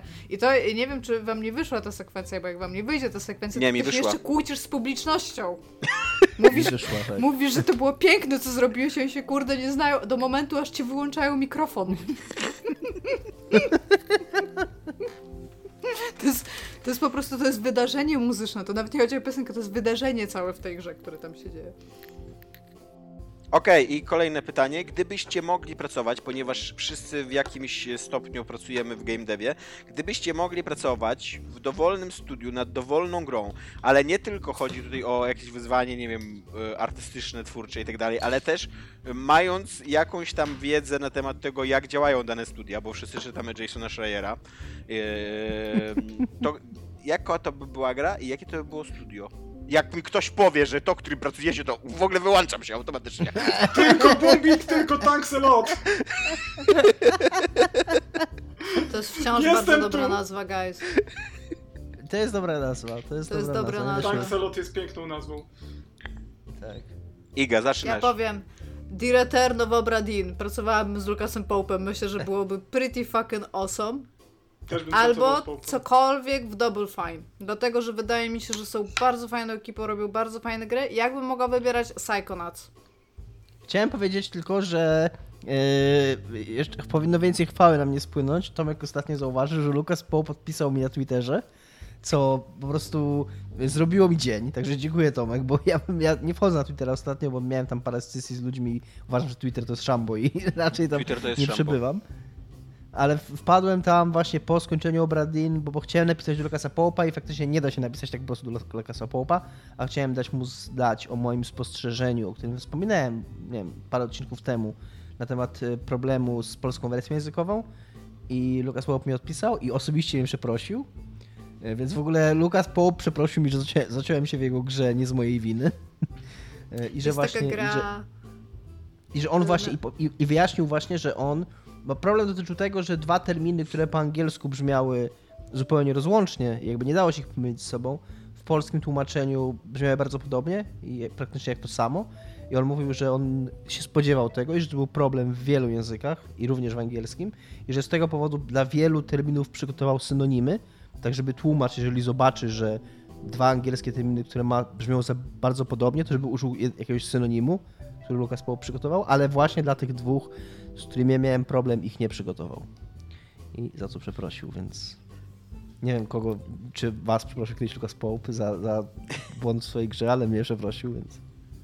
Jest taka gra na Steamie, która jest teraz w Early Accessie, a totalnie nie chcę zgwałcić jej tytułu, zaraz, zaraz zobaczę i wtedy powiem, ale co chcę powiedzieć, e, to wy się tak wtedy ucieszyliście, bo to też byłam na czacie, kiedy Tomek to zauważył, z Lukasa Popa, jaki jest pomocny i że tutaj sam odpowiedział i fajnie. Jest taka gra, gdzie typ, e, jako że to jest Early Access, a ona nie była jakaś strasznie popularna, to jeżeli ktoś miał zepsutego save'a, to mógł mu wysłać i on się autentycznie tym sam interesował, naprawiał tego save'a i go odsyłał, nie? I ludzie się tym strasznie jarali, no i tam pierwsze komentarze, że no, ziomek jest bardzo tam pomocny, zwróciłem mu uwagę, że jest bug, usunął tego buga następnego dnia. Ktoś tam potem, no, osobiście naprawił mi save'a, realnie wziął czas ze swojego dnia i tam naprawił mi save'a. I ktoś mówi, żartujesz? Mi już naprawił trzy save'y, bo, bo się okazało, że jeden z jego patchy wprowadził buga, który, który po prostu uniemożliwił przejście. I tam w końcu, tam jest ileś tych komentarzy na samym końcu, jadę sobie autostradą, tam Chicago, coś tam dalej i mam gumę. Zadzwoniłem do niego, był w 10 minut minut, miał własne narzędzia i przeprosił mnie, że musiałem na niego czekać, nie? I potem już po prostu to leci w dół, nie?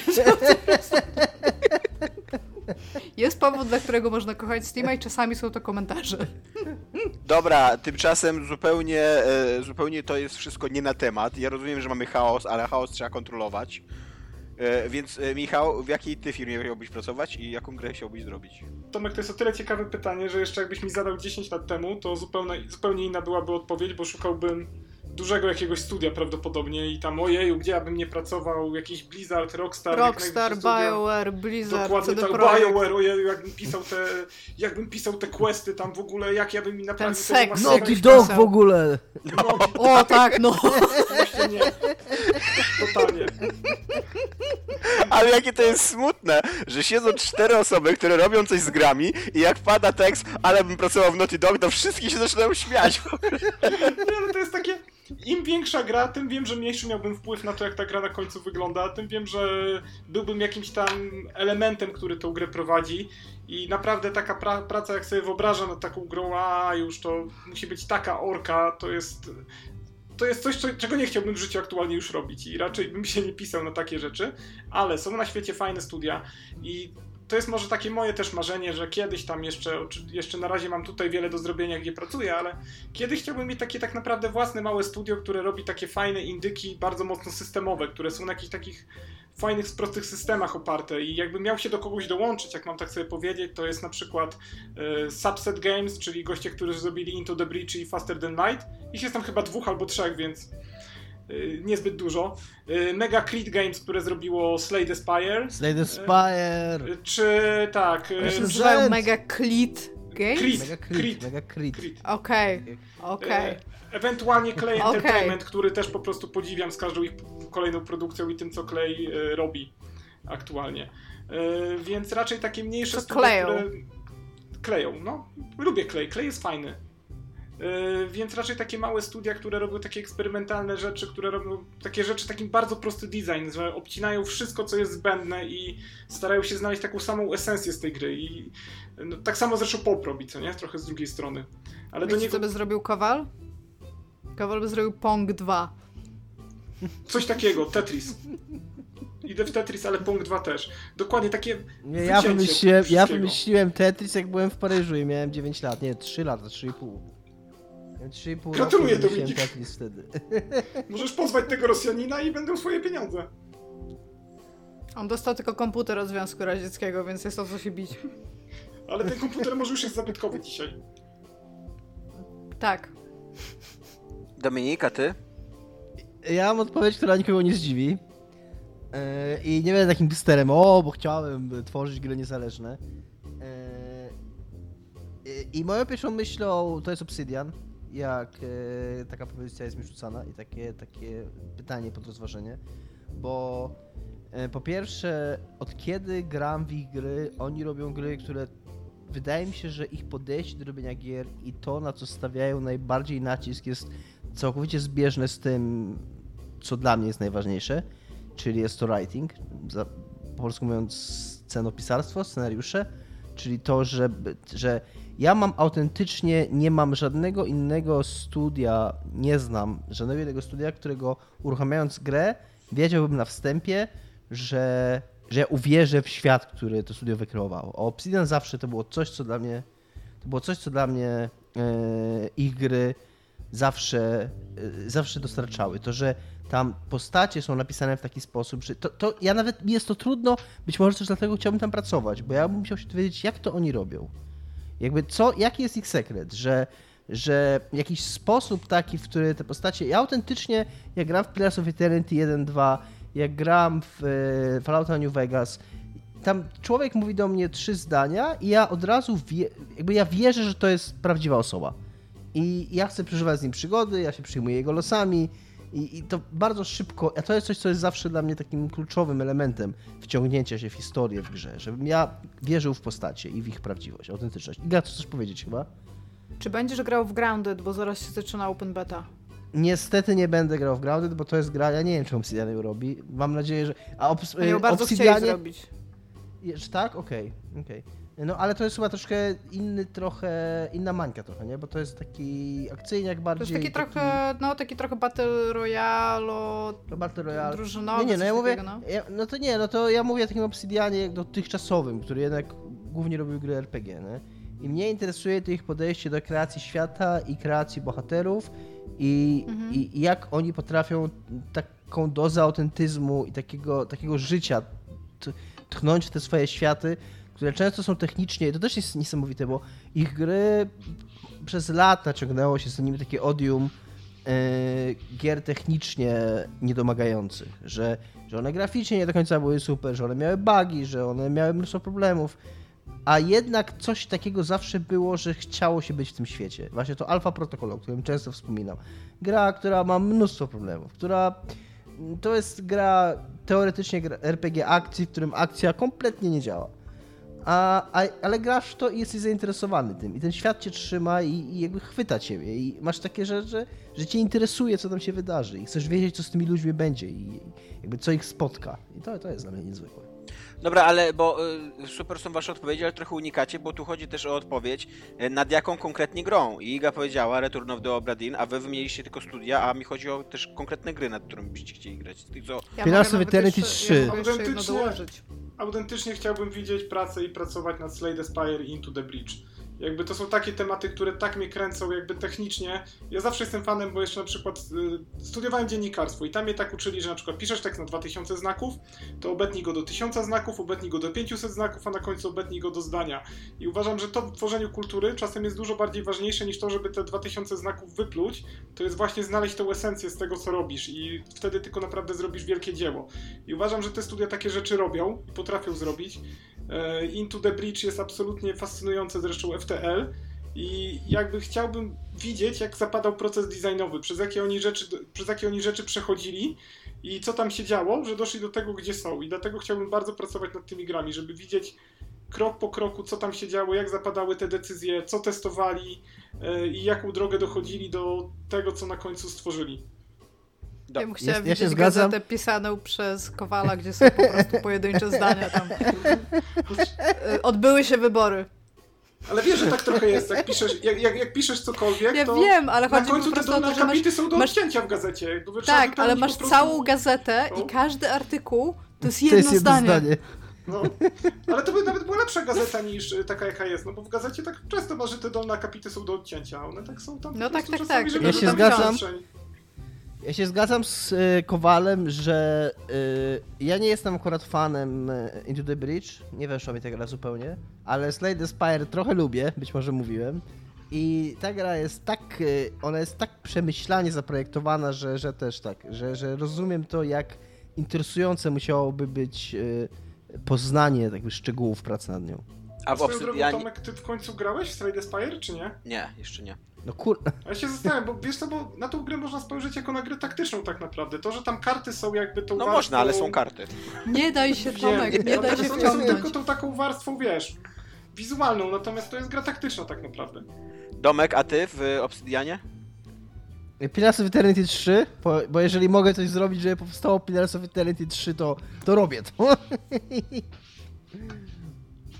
I to jest moja odpowiedź. No nie, ja, ja nie jestem, ja jestem chyba najdalej z was wszystkich w swoim, swojej pracy zawodowej od bezpośredniego tworzenia gier. Jakby nie czuję się mocny tutaj, że nie, ani nie pisałem do żadnej gry, ani nie projektowałem żadnej gry. Więc to jest takie to abstrakcyjne pytanie dla mnie.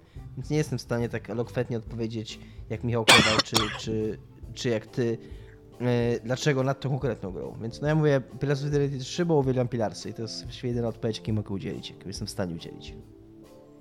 E, e, ja bym chciał pracować w, tak samo zresztą jak większość z nas e, w małym studiu. Absolutnie nie chciałbym pójść do korporacji growej, bo byłem już w trzech korporacjach i podejrzewam, że tworzenie gry w korporacji nie różni się bardzo od pracy w korporacji. I, I chciałbym pójść do Supergiant Games i robić z nimi konkretną grę, czyli Pyre. Nie tylko dlatego, że to jest fenomenalna gra pod względem narracyjnym, pod względem pisarskim i, i w ogóle też pod względem gameplayowym, że to jest taka, taka gra, o której ja trochę zawsze marzyłem, że to jest taka gra, w której możesz przegrywać i to to nie jest przegrywanie, tylko to jest kształtowanie twojej historii. Co najwyżej masz później 20 godzin gry, w której po prostu przegrałeś wszystkie mecze i ta gra na to zareaguje i stworzyć taką historię, że przegrałeś wszystkie mecze. Ale do tego bardzo bym chciał pracować nad Pyre, bo oni byli w mega dobrej sytuacji, jak robi Pyre.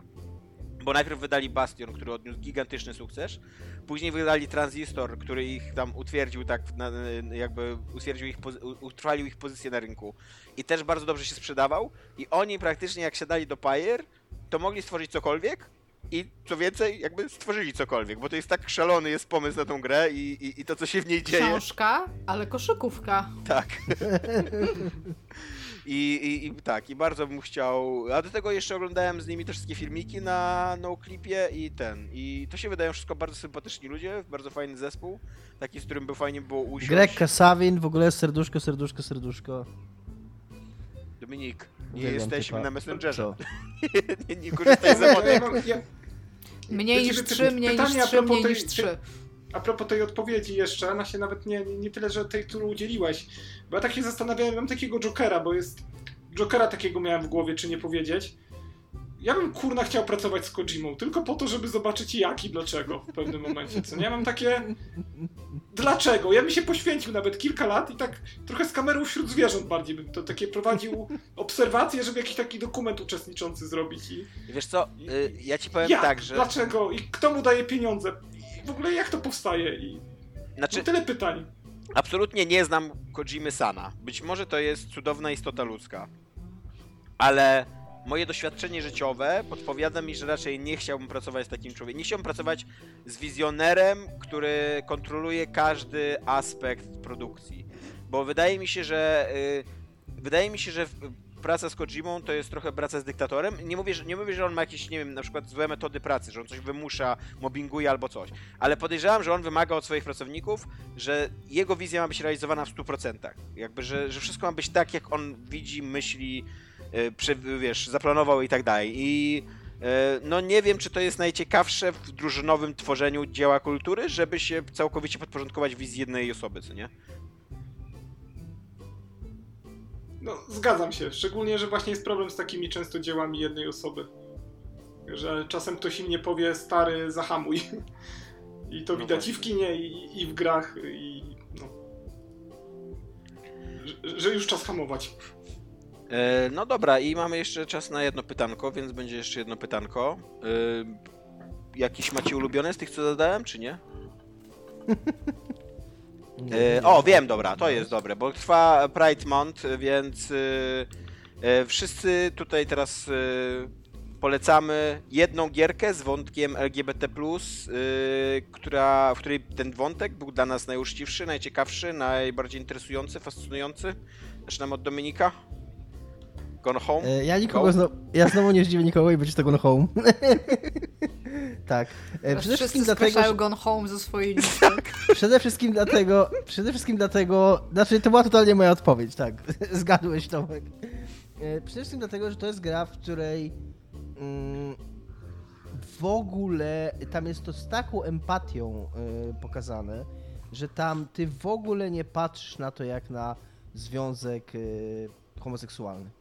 Tam to jakby w ogóle to jest tak naturalne i tak normalne i to jest przedstawione w sposób tak zwyczajny i tak y, jakby tak zrozumiały dla każdego i z którym się tak łatwo identyfikować, że wydaje mi się, że jeżeli no nie wiem, ja, ja nie, nie jestem z tego środowiska i nie chcę też jakby, wiecie, y, jakby mówić, jakie on ma problemy, bo nie wiem.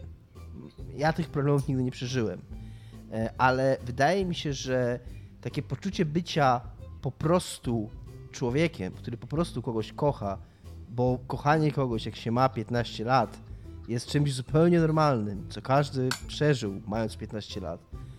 E, I, że nie musimy nad, o tym rozmawiać, czy zastanawiać się, czy to jest właściwe i czy się na to godzimy i czy y, nasze przepisy się na to godzą i czy świat się na to godzi i czy jesteśmy na to gotowi. Nie, po prostu ja kocham tego człowieka i ten człowiek kocha mnie i to jest i, i to jest i to jest wszystko, czego potrzeba i, i jakby i to jest taka gra, w której właśnie, w którą grając i, i w której odbierasz tą historię, tylko o tym myślisz i nie myślisz jakie płcie mają ci ludzie i jakie są społeczne uwarunkowania tego, co ci ludzie robią i, i jaka jest, jakie jest ustawodawstwo i czy ustawodawstwo jest przygotowane na to, co ci ludzie robią i czy świat jest przygotowany na to i co myśli o tym twoja mama i twoja babcia i, i jej stryjek. Nie, po prostu tam jest miłość i to jest piękne w tej grze i za to ją cenię.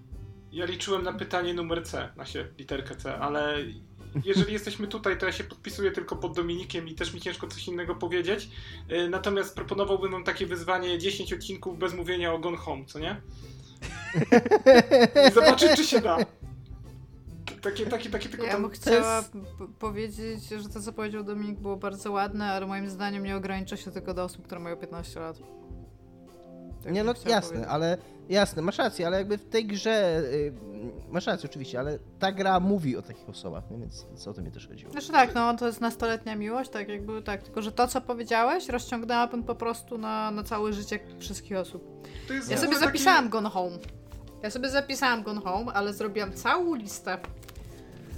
Więc e, mogę dać wam powiedzieć, bo myślę, że będę jeszcze skreślać z niej. Tomek, co masz? T- Nie, Tomek, bo co przygotowałeś? ja nie, mam, ja nie mam gry, Którą więc... pozycję z mojej listy? Ja nie mam gry, więc prawie na pewno nie wykreślisz nic ze swojej listy. Bo ja mam film, ja mam Moonlight, film, e, który jest opowieścią o takim e, osiedlowym bandycie trochę. E, takim gangsterze, czarnoskórym gangsterze, który później jakby, bo to, to, jest taka historia o jego życiu w trzech epizodach opowiedziana i on, na początku widzimy go jako dziecko, później widzimy go jako nastolatka, e, a na końcu jakby widzimy, że To jest dobry film. tak, i na końcu widzimy, że on wyrasta właśnie na takiego bardzo stereotypowego amerykańskiego gangsta z takimi złotymi zębami, z takim, taką nakładką na zęby, wytatuowanego całego, taki, taki będący, cały, cały, cały on jest swoją pozą jakby, co nie? Taką, I to właśnie taką bardzo stereotypową, wziętą z takiego najbardziej maczystowskiego e, rapu, takiego stereotypu groźnego czarnego mężczyzny, nie? E, On jest jeszcze wielki, Tak. umięśniony, wyrzeźbiony, taki zadbany. Tak. tak. No ale dzięki temu, że najpierw oglądamy dwa poprzednie epizody z jego życia, to widzimy, że on doszedł do tego, do tego momentu w swoim życiu, dlatego że on przez całe życie był raniony i, i bał się, że dalej będzie raniony, dlatego że jest gejem. I, y, I jakby właśnie, że go, go spotkało olbrzymia, olbrzymia krzywda go spotkała, olbrzy, y, jakby. ym, no i on, on później jakby. Jest, jest taka scena, jak y, on spotyka taką swoją miłość z przeszłości, y, z którym, takiego chłopaka, z którym się nie widział od czasów liceum. E, i, i, jakby ten chłopak jest mu bardzo mm, przychylny dzisiaj, co nie? Jakby w, w, w tym jego dorosłym życiu. Jest taki zainteresowany nim autentycznie, co nie? Tylko, że on go właśnie skrzywdził kiedyś. E, on, go, on go kiedyś skrzywdził i, e, i jak ten wielki facet, taki groźny, e, jakby nagle w ogóle zupełnie się rozpada cała ta jego kreacja przed widzem i, e, i sobie zdajesz sprawę, jak bardzo, jak bardzo to jest trudne dla niego, żeby on był sobą w społeczeństwie, które my zbudowaliśmy, co nie? I, i które narzuca właśnie mu takie, takie, a nie inne role społeczne i jak, jak bardzo on się jak bardzo on skrzywdził sam siebie, żeby nie dać się skrzywdzić przez innych, co nie? To to jest autentycznie, ja bardzo rzadko się tak e, realnie wzruszam, tak żeby, żeby mnie coś dotknęło do żywego na fikcji, a to był taki moment, że myślałem, że się poryczę w kinie i, e, i w ogóle uwielbiam ten film. To jest przepiękny film, taki właśnie, taki film, który e, pokazuje ci perspektywę na zupełnie innego człowieka, przynajmniej tak zupełnie innego niż ja jestem, bo jestem biały i heteroseksualny, a tutaj nagle widzę właśnie tego wielkiego, czarnego, groźnego faceta, który jest gejem i myślę sobie, ja pierdzielę, jaki to jest tak cudowna istota ludzka, jak ja bym chciał go po prostu przytulić i powiedzieć mu, że nasze społeczeństwo jest chujowe i przepraszam, że ono jest chujowe i że powinien, twoje życie powinno się potoczyć inaczej, nie? I bo tak, bardzo polecam ten film. On dostał w ogóle Oscara za najlepszy film w swoim roku, w 2016 bodajże. W ogóle bardzo lubię, jak dzieła, które poruszają gdzieś ten temat LGBT, do niego się odnoszą, on, gdzie on jest naturalny, gdzie jakby on nie staje się istotą rzeczy, gdzie on jest po prostu taki, że widzisz te postaci, bo jednak jest taki nurt teraz, że y, duże studia filmowe chcą się podłączyć, więc one tam powiedzą, a teraz ta bohaterka jest y, lesbijką, tutaj ten jest gejem, co nie ma żadnego na przykład znaczenia dla historii, poza tym, żeby gdzieś tam się podczepić pod coś. I, I dzisiaj jeszcze do tego mamy tych naszych, wiesz, tam cały ten nurt prawacki, który tak sobie rośnie w siłę i tam robi takie, o, bo tutaj coś się wydarzyło, tam coś. I trochę ciężko czasami wręcz w popkulturze takiej masowej dobrze ten wątek uchwycić, żeby właśnie on był y, naturalny i siedział. I Yy, rzadko się to udaje w grach, bardzo rzadko, ale to może W po Gone Home się udało. Udał się, świetnie się udał, ale też tak właśnie szukam filmu takiego typowego popkult, takiego typowego blockbustera jakiegoś, w którym ten wątek by istniał i był taki gdzieś na boku, Scott nie byłby Pilgrim vs. The World. O, Tak. to jest dobry przykład, na przykład, no. I również masz, E, również masz genialną super. absolutnie postać e, geja w The Wire. I też postać lesbijki w The Wire Tak. też genialna. Tak, zdecydowanie, ale The Wire cały jest genialny i wszystko co Tak. zawiera jest genialne, więc więc tutaj też się mieści. Yy, natomiast jest dużo takich filmów, które łapią się i trochę taką budują złą twarz, bym powiedział temu wszystkiemu, bo jest taki, wiesz, taki na siłę. A teraz zróbmy, że ten bohater jest gejem, to na pewno jeszcze dostaniemy kilka tam oczek popularności.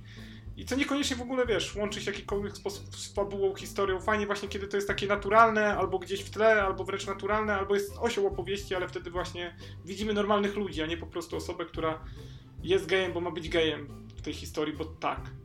Bo marketing nam powiedział, że to teraz fajnie wyjdzie. Iga? No ja mówię, ja zrobiłam całą listę, bo przygotowałam się, że będę mówić ostatnia i po prostu wiedziałam, że będę odhaczać. Mam na niej nawet, o dziwo, Fallouta 4. Y, Gdzie jest y, wątek, on nie jest, to nie jest dobrze zrobiony wątek, to nawet nie jest jakiś mega ciekawy wątek, ale tam jest ten... W sumie to nawet nie wiem, że jest wątek. Nie nazwałam go Nie, to jest wątek, to jest wątek. Jeden z twoich kompanionów, typ z Bractwa Stali, e, którzy nienawidzą androidów, co jest a big thing rasistowskim w jakby Falloutie 4 i to po stronie której z frakcji, która się w jakiś sposób opowiada za androidami, musisz stanąć. E, to jeden właśnie z Bractwa Stali, który jest w stanie być twoim kompanionem, e, w jego wątku e, możesz jakby postarać się z nim nawiązać więź romantyczną. Jeżeli grasz kobietą, on powie ci, że nie jest zainteresowany, ale co więcej, okazuje się też, czy są spoilery Fallouta 4 w misjach kompaniońskich, mogę powiedzieć, czy nie? Możesz Spoilery? Ta gra ma fabułę? Ma. Ja, Niestety ja, ma. ja, to, ja to wspominam Okazuje jako się 80 też, godzin na kraku. Ja w ogóle nie wiem, co tam No, się działo w okazuje się, grze. w każdym razie okazuje się też, że on jest androidem, więc on ma w ogóle, on jest bardzo skomponowaną postacią, która jest napisana w taki, a nie inny sposób, bo Bethesda nie za bardzo potrafi pisać, ale nikim jeszcze o tym nie powiedział wewnętrznie w studio, więc jeszcze o tym nie wiedzą. Ale ja bym powiedziała Red Strings Club, Tak. Też, Dlatego, też o że tym ten myślałem. wątek w ogóle nie wybija się super mocno na pierwszy plan, chociaż w, chociaż w momentach, kiedy ma być podkreślony, jest podkreślony. Michał Kowal, bardzo. przepraszam. Yy, jeszcze wyzwanie polegające na niemówieniu o Gone Home przez 10 odcinków to jest nic, ale wyzwanie, które polegałoby, że mamy przez 10 odcinków nie mówić o Red Strings Club, to w ogóle był już level hard. To prawda, trzy gry, trzy gry, to i ten jeszcze, jejku, jak on się nazywa. Wypadło mi z głowy, najlepsza gra zeszłego roku. Eee, Obradili. Disco Elysium. Disco Elysium, no, te trzy gry. To się tak. nie da. Nie, nie da się zrobić podcastu o grach bez Disco Elysium I wyszło Disco specjalnie, Elysium. specjalnie dla Igi jeszcze bez Doom. To cztery. Dobra. A mam jeszcze wpisane tutaj e, to If Found, które ostatnio, o którym ostatnio mówiliśmy. Mam Outer Worlds, jako że Prawati tam jest aseksualna. A to jest w ogóle rzecz, która jest bardzo niedowieziona w kulturze. Ona się zaczyna być dowożona, natomiast nie jest. Nie jestem pewna, czy w Outer Worlds ten wątek jest jakoś mega dobrze zainsynuowany, dlatego że w pewnym momencie tam się pojawia kwestia wyleczenia się ze seksualności, ale to tam inna sprawa. Ale mam też wpisane jako dzieło kultury Adventure Time. Gdzie jest wątek Princess Bubblegum i Marceline? I uważam, że to jest Okej. ważne, że takie wątki w ogóle pojawiają się w tego typu produkcjach. Powinno być ich znacznie więcej. To, że jeszcze jest, nie ma. Ja mam ponad 30 lat, a te wątki nie są normą w produkcjach. To jest po prostu jakaś bardzo dziwna rzecz. Mam wrażenie, że Wątki, słuchajcie, Iga ma już ponad tył. 30 lat. Jak wy wątki możecie jeszcze nie być czymś normalnym? Ja mam realnie wrażenie, że, że y, te takie kreskówki, które ja oglądałam na Cartoon Network, jak ja dorastałam, często mówiły o poważniejszych problemach i miały odważniejsze postacie niż są teraz, kiedy te postacie tak naprawdę mają być tak różnorodne, że zaraz tam po Ale, prostu się ale jest, to, jest, to prawda, jest to prawda, Iga, że ja uwielbiam Outer Worlds, uwielbiam Obsidian, jak już mówiłem, i uwielbiam Parvati, ale tak, totalnie, i też, też taki niesmak to pozostawiło w moich ustach, że ostatecznie konkluzja jej, wątku, konkluzja jej wątku jest taka, że jeżeli pozna właściwą osobę, to może przestać być seksualna. Nie, tam jest, takie- ogóle, tam, jest, tam jest dosłownie taki dialog, on, on mi się w ogóle bardzo wmurował w pamięć, że e, ona się zastanawia z osobą, którą ty jakby pomagasz jej lepiej poznać i z nią mówisz na randkę, że to może być trudne, natomiast tamta osoba jest cierpliwa i stwierdziła, że zaczną może od faktu, że ona będzie czasami masować jej, te, jej ramiona i wydaje mi się, że może mi się to spodobać. I tak siedzisz i okej, to czemu No. rozmawialiśmy przez cały ten czas o czymś, co było ważne i realnie jako Trochę osoba tak. nieaseksualna byłem w stanie w jakiś sposób oddziaływać z tobą i się nad tym zastanawiać, Tak, a teraz mi tak. mówisz, że to po prostu jest a passing phase? Tak, no trochę, trochę niestety masz Oj, rację. wszystko że- da się wyleczyć. Tylko heteroseksualizm Zgadzam się, jest że- normalny. Ale, jest- ale też zgadzam, Ja- ja ale też zgadzam My się, że jako tak podcast samo to... niezatapialni nie, nie podzielamy tej, tej opinii Michała Kowala. Michał Kowal jako Michał Kowal sam jej nie podziela.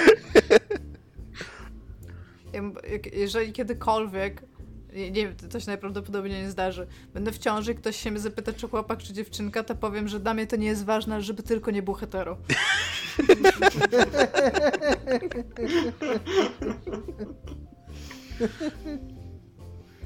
No dobra. Chcecie, mamy jeszcze czas na jedno pytanko? Jeszcze wrzucić jedno pytanko na, na koniec, czy już kończymy? Możesz. Pytanie C. Pytanie, Pytanie C, C. dobrze. Specjalnie-. Tomek, nie możesz numerować pytań literkami z numerkami, bo ja mam pokreśloną całą listę w dół i wszerz po prostu, bo nie potrafiłam napisać A, jak napisałam A, to już potem napisałam A1, potem napisałam A2, nie było A2, to było B. I już po prostu w ogóle najgorzej. W ogóle Tomek jest dobrze zorganizowany, faktycznie są nawet pytania A1 i B1. No. E, czy macie jakiś utwór popkultury, który trafia za blisko waszego serduszka i za każdym razem jak go oglądacie, albo doświadczacie, albo gracie, to czujecie, że rozszarpuje wasze wnętrzności? Jaki to jest utwór i dlaczego? Michał, skoro jesteś taki entuzjastyczny do tego pytania, go. Dobra, nie masz wymienione, to ja pójdę łatwą odpowiedzią akurat i, i muzyka. Ewangelion. I się o tym zastanawiałem. Słucham? Ewangelion. na pewno. Tomek, mówiłem na początku, że szanuję twoje polecenia, ale Ewangeliona nie dałem rady, niestety. E, do końca obejrzeć. Wiele straciłem, Weźcie, wiem. usuńcie go z tego spotkania. Po raz kolejny zostanę usunięty. E, Natomiast mam coś takiego. e, Ja rzadko kiedy powtarzam dzieła popkultury. To jest takie. Bardzo rzadko oglądam filmy ponownie, bardzo rzadko czytam książki ponownie. Natomiast jeżeli coś takiego, co na mnie oddziaływuje, to jest muzyka, bo i to głównie muzyka, której gdzieś słuchałem, tak podejrzewam, bo się nad tym pytaniem zastanawiałem, w ciągu pięciu lat może mojego życia, gdzieś tam między rokiem y, pod koniec lat 90. i początkiem 2000. To jest pewnie taki, y, to dla mnie wiek, kiedy wychodzę, kiedy już byłem nastolatkiem, starszym nastolatkiem i, y, i to gdzieś ukształtowało mnie jako człowieka, podejrzewam. I to są takie albumy, które były no, blockbusterami płytowymi w tym czasie, no bo tak Nirvana, Unplugged, tam y, Nevermind, y, w Polsce to akurat Tata Kazika i Tata, i Tata Dealera, Californication, e, Killing in the Name, The Doors. I jest taka jedna płyta bardzo szczególna akurat z tego okresu, to jest e, też ostatnio chyba wspominaliście zresztą o Offspringu i to jest Offspring Americana i jakby na się, e, to jest Offspring i może nie najlepsza płyta Offspringa, na się, ci, którzy słuchają mogą Jedno się z najlepszych czy- płyt w Springa. no się zależy, właśnie zależy od tego podejść, bo ona jest taka bardzo mocno już e, popowa, e, tak? To nie jest już e, Smash, to nie jest I to- homebrew. O mój Boże, punk kalifornijski ale- zrobił się pop. Tak, dokładnie. Natomiast jakby otwarcie tej płyty, jak ja chcę się wstawić w pewien nastrój, jak ja sobie puszczę tą płytę i tam się zaczyna od Heavy Weather, które zaraz potem jest następowane Nie, zaczyna się od. Welcome to Americana. Please Dobrze, make your mówię- selection followed by Okej. the pound sign. Kiedy Now? zaczyna grać, jest Have You Ever, które ma potem taki fajny bridge na końcu tego kawałka i potem przechodzi na Starring at the Sun. Autentycznie to są uczucia, ja, ja wtedy przeżywam, to jest tak we mnie już wpisany ten utwór, ja tego słuchałem kiedyś tak raz za razem praktycznie, to leciało cały czas, to jest tak we mnie wpisane, jak ja potrzebuję energii, potrzebuję się doładować, potrzebuję tak sam w siebie wierzyć, że mogę góry przenosić. Autentycznie po prostu otwarcie tej płyty to jest coś, co daje mi moc, że czuję się jak superbohater praktycznie, który może osiągnąć wszystko. Y, Niesamowite i czuję chyba coś taką, taką myśl można chyba tylko sobie wyrobić z muzyką, przynajmniej ja mogę. Y, Ciężej mi znaleźć coś takiego z popkulturą. Y, Natomiast jak bardzo jeszcze szukałem gdzieś tego, grzebałem w popkulturze, żeby znaleźć, grzebałem w grach, to znowu ta systemowość wychodzi, którą ja tak lubię w grach i jakbym miał takiego szukać wrażenia w grze, to jest cywilizacja i zawsze rozpoczynanie gry w cywilizacji, kiedy jeszcze nie wiesz, co tam znajdziesz, kiedy nie wiesz jeszcze gdzie jesteś ułożony, kiedy nie wiesz kto będzie twoim sąsiadem, jak będzie wyglądało twoje imperium, taka otwierająca rundy cywilizację. E, no i ewentualnie odpalenie combo w Slay Spire. To są takie rzeczy, które zawsze po prostu rozwalają mnie, jakby tak dają mi takiego kopa za każdym razem, jakbym to powtarzał nawet 500 raz. W ogóle Slay the Spire y, to jest taka gra, o której może jeszcze mało mówiliśmy, więc chciałbym napomknąć o niej. Że to jest gra zaprojektowana po prostu, bo jakby to jest gra zaprojektowana przez ludzi, którzy grają w karcianki, którzy rozumieją karcianki, którzy wiedzą, że największą frajdą w y, graniu w karciankę jest stworzenie takiej kombinacji, takiej talii, takiego pomysłu na grę, że dominujesz, że że nagle prze, przechodzisz jak walec przez kolejnych przeciwników. I to jest gra totalnie zaprojektowana tak, że od czasu do czasu ci się to udaje. To jest, to jest roguelike i od czasu do czasu udaje ci się zrobić takie połączenie kart, takie, taką strategię obmyślić, że czujesz się po prostu jak po prostu totalny dominator. Tam idziesz, jak wiecie, jak, jak na grecki heros po prostu się przebija przez tych wrogów. I to jest niesamowite uczucie. Dobrze, a odpowiedź na pytanie, Dominiku? E, ja mam odpowiedź na pytanie, które nikogo nie zdziwi. E, jest to Sing Street, e, film, który o do teraz widziałem go autentycznie tydzień temu, po raz nie wiem, dwunasty.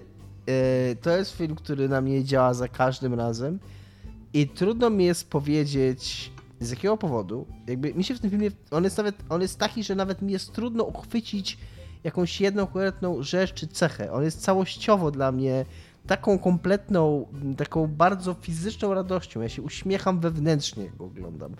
E, on na poziomie, tak jak Kowal mówił o ścieżce dźwięku, o tym, o Amerykanie, o muzyce, to ten film na poziomie muzyki i muzyki oryginalnej, która jest napisana do tego filmu i też muzyki licencjonowanej, która jest wykorzystywana w tym filmie. Tam wszystko tak idealne, e, że, że, ja się, że ja się cieszę słuchając muzyki z tego filmu, ja się cieszę patrząc na to, co się dzieje w tym filmie ja się cieszę obserwując reakcję, y, taką dynamikę y, rodziny, która jest w tym filmie pokazana i taką dynamikę braterstwa. To jest takie, to jest kurna, to jest takie braterstwo, że jak słyszysz słowo braterstwo, to to jest koncept w ogóle. Ten film wizualizuje koncept braterstwa w ogóle. Więc jakby masz w ogóle, nie wiem, ideał w ogóle braterstwa zaprezentowany i patrzysz w ogóle na taki, taki w ogóle archetyp, taki wiesz, złoty gral w ogóle braterstwa i myślisz sobie, okej, okay, to jest ładne. Kurwa, to jest ładne, to jest, ja pieprzę, nie? Więc no nie wiem, nie wiem co, trudno mi jest nawet tak krytycznie spojrzeć na ten film i powiedzieć, bo to jest dosyć niepozorny, taki dosyć no nie wiem, taki jakby tylko rozebrać na kawałki mm, jak, specjalista, to, to jest taka dosyć stereotypowa historia. Jakby tam nie ma nic oryginalnego, ale on jest zrealizowany w taki sposób, zagrany w taki sposób, opowiedziany w taki sposób, że no mnie to, mnie to porusza do głębi za każdym razem. Ja się wzruszam, jak, kurna, jak oni siedzą, tam jest ta scena, jak on z tą swoją ukochaną są na wyspie i ja tak to kocham, jak oni się całują pierwszy raz i widać taki, taki y, y, y, nastoletni entuzjazm pierwszego pocałunku dwójki ludzi. I ona zaczyna jeść jakieś tam sucharki, a on chce ją całować znowu. A ona mówi, że nie, nie, bo jeszcze żuje te sucharki, więc jeszcze nie. Więc on czeka, aż ona je przeżuje, ona je przełyka i on pyta, czy ja mogę i ona tak, tak, teraz tak. I to jest, to jest takie piękne w ogóle, że no ja się nie mogę nie uśmiechać do tego filmu. Iga. Ja, się, ja jeszcze chcę was zapytać, w jaki sposób, bo wy powiedzieliście o bardzo takich jakby dobrych doświadczeniach. Tak, Może właśnie, ja przeczytam pytanie, te, gdzie jest napisane, czy macie jakiś utwór popkultury, który trafia za blisko waszego serduszka i za każdym razem, jak go oglądacie, czujecie, że szerpuje wasze wnętrzności? Bo ja na przykład zapisałam sobie rzeczy, które są raczej przykrym doświadczeniem. Też, też właśnie wyda- chciałem powiedzieć o tym, że trochę chyba chłopacy minęli. Zwłaszcza, ja, zwłaszcza jak zasugerowałem. Pytanie ma za razu... dużo y, wyrazów. Ja byłem o, nie, ja, ja od razu w ogóle jak zadałem to pytanie, zasugerowałem, że chodzi mi o odpowiedź stylu Ewangeliona, więc mogliście się nakierować trochę tym. Bo ja sobie rozpisałam... Nie, no, ja, ja, to, ja to rozumiałem raczej tak, że po prostu, że czuję jakąś taką bardzo bliską więź emocjonalną, niekoniecznie... Rozszarpuje wnętrzności. Ale pozytywnie! No, no tak, no ale czuję, czuję się taki, że mi grzebie. Okay. Potem tobie ciepło, ja jak masz wypisałam... wnętrzności. Ja sobie wypisałam tutaj e, cztery rzeczy. Raczej przykre dla mnie. Pierwszy to jest grobowiec świetlików i nie chcę wchodzić dlaczego. To jest po prostu. To jest szalenie smutna rzecz. Taka rozpaczliwie smutna, bym powiedziała. Taka naprawdę trzeba już chyba za groszem patii nie mieć, żeby się smutno nie zrobiło w jakimkolwiek momencie, jak się to ogląda. Druga rzecz to jest taki obraz marności e, jakby ludzkiej i tego, jak szybko jesteśmy w stanie e, stracić kulturę, technologię i wszystko wobec tragedii, którą sami sobie na łeb jakby spuściliśmy i to jest brytyjskie The Day After Tomorrow. Szczególnie scena z rodziną, ze starszą kobietą, która jest zamknięta w piwnicy i to jest po prostu coś, o czym ja myślę za często i nie mogę przez to spać. Scena z Easy Ridera, gdzie yy, biją ich, kiedy oni śpią koło ogniska i po prostu za każdym razem, kiedy to widzę, to, to jest takie gigantyczne poczucie niesprawiedliwości społecznej i tego, jak niepostępowość prowadzi po prostu do strasznych rzeczy, które zjedzą nas jako ludzkość, jeżeli nie zaczniemy myśleć sercem, a nie jakimiś podziałami i kategorią my i obcy. E, I teraz scena, to jest jedna scena i tutaj pewnie Tomek się z nie zgodzi, ale dla mnie to jest najgorsza scena w filmie, bo książki nie czytałam. E, to jest Of Mice and Men, myszy i ludzie. Tak.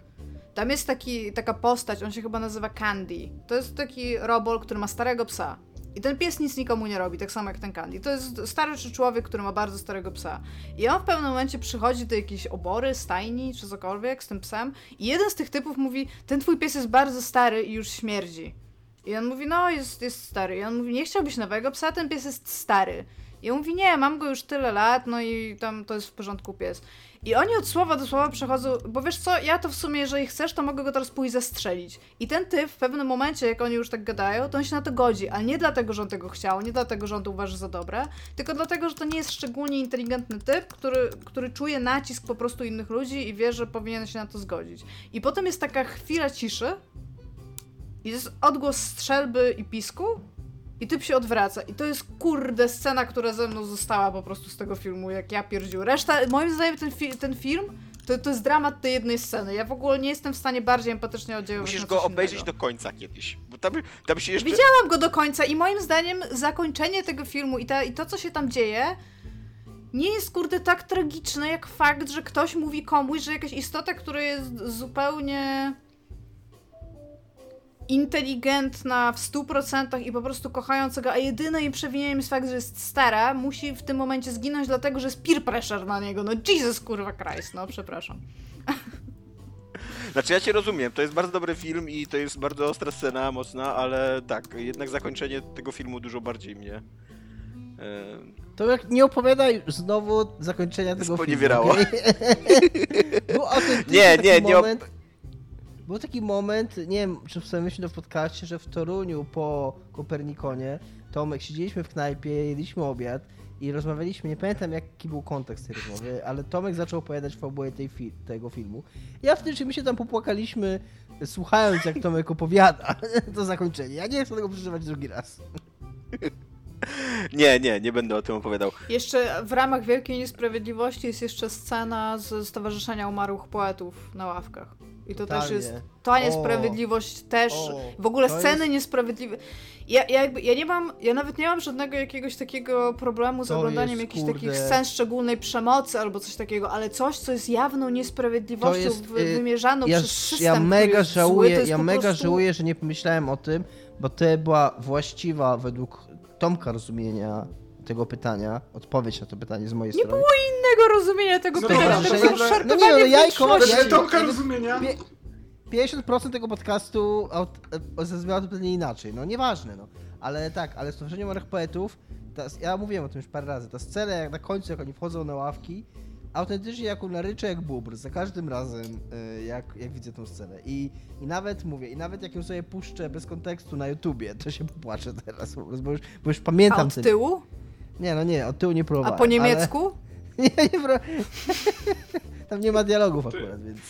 Znaczy, no, ma, Ja bym ma chciał Captain my Captain, Captain my Captain po A niemiecku... Captain! E, a powiedzieć wam, e, jeszcze tak zostając przy, przy tej scenie z e, Stowarzyszenia Umarłych Poetów, jak ja, jak ja byłem na polonistyce na studiach, to e, byłem na dwóch specjalizacjach, na filmoznawstwie i na nauczycielstwie.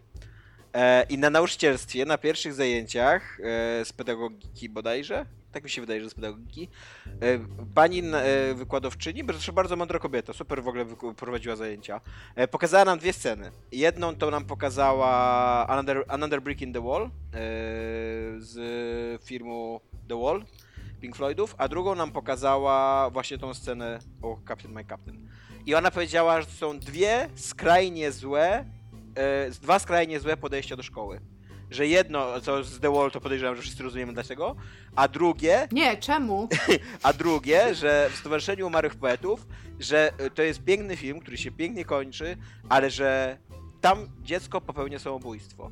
I rolą nauczyciela jest dostrzec, że to dziecko może popełnić samobójstwo i nie rozbudzać takich nadziei w nim, takich ambicji, które mogą doprowadzić do tego, że ono popełni samobójstwo, wiedząc jakich ono ma rodziców i w jakich się wychowuje jakby normach społecznych i do czego może doprowadzić to, co on robi. I zdaniem tej mojej wykładowczyni, on był fatalnym nauczycielem.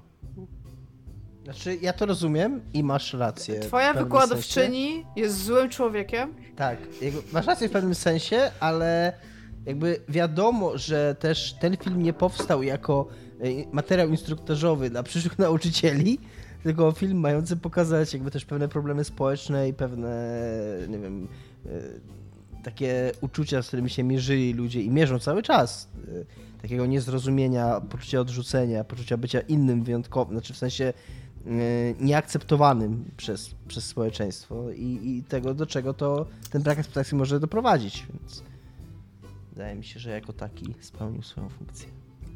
Ja bym chciał jeszcze małą eratę w takim razie do mojej odpowiedzi. Jeżeli ma być Dajesz. coś rozszarpującego, to szybko.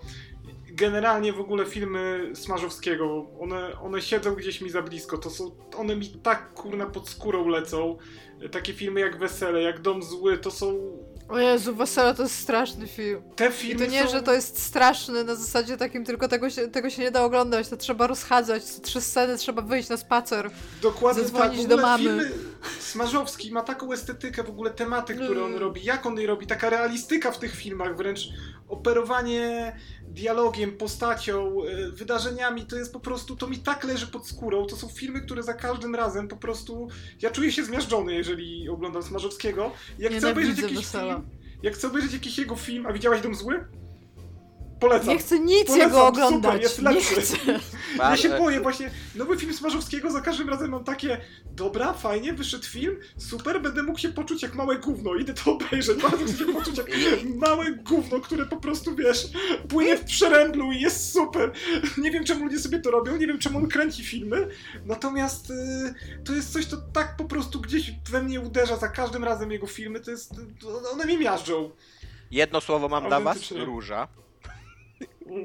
I tak, i to jest jeszcze film e, dziejący się w, na terenach, e, z których ja pochodzę i z, których, z którymi się dosyć czuję związany, z Warmimi Mazurami i, i tak, i jak on nakręcił różę, to co się tam działo po II wojnie światowej, ten lo, los tych kobiet, które tam były gwałcone masowo, e, no to jest taki film, po którym w ogóle wysz, wyszedłem z kina i absolutnie nie chciałem się odzywać w ogóle do ludzi przez jakieś 2-3 godziny, co nie byłem tak rozjechany.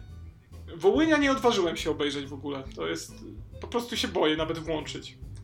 Yy, natomiast to jest taki Chcę reżyser. być- to jest niezwykły ja gość, będę- naprawdę. I te filmy, które on robi, to jest, feno, to jest fenomen w pewnym sensie, bo Ja chcę Ja być człowiekiem, jak który będzie robić dzieła kultury, których ludzie nie chcą oglądać, bo wiedzą, że są takie dobre.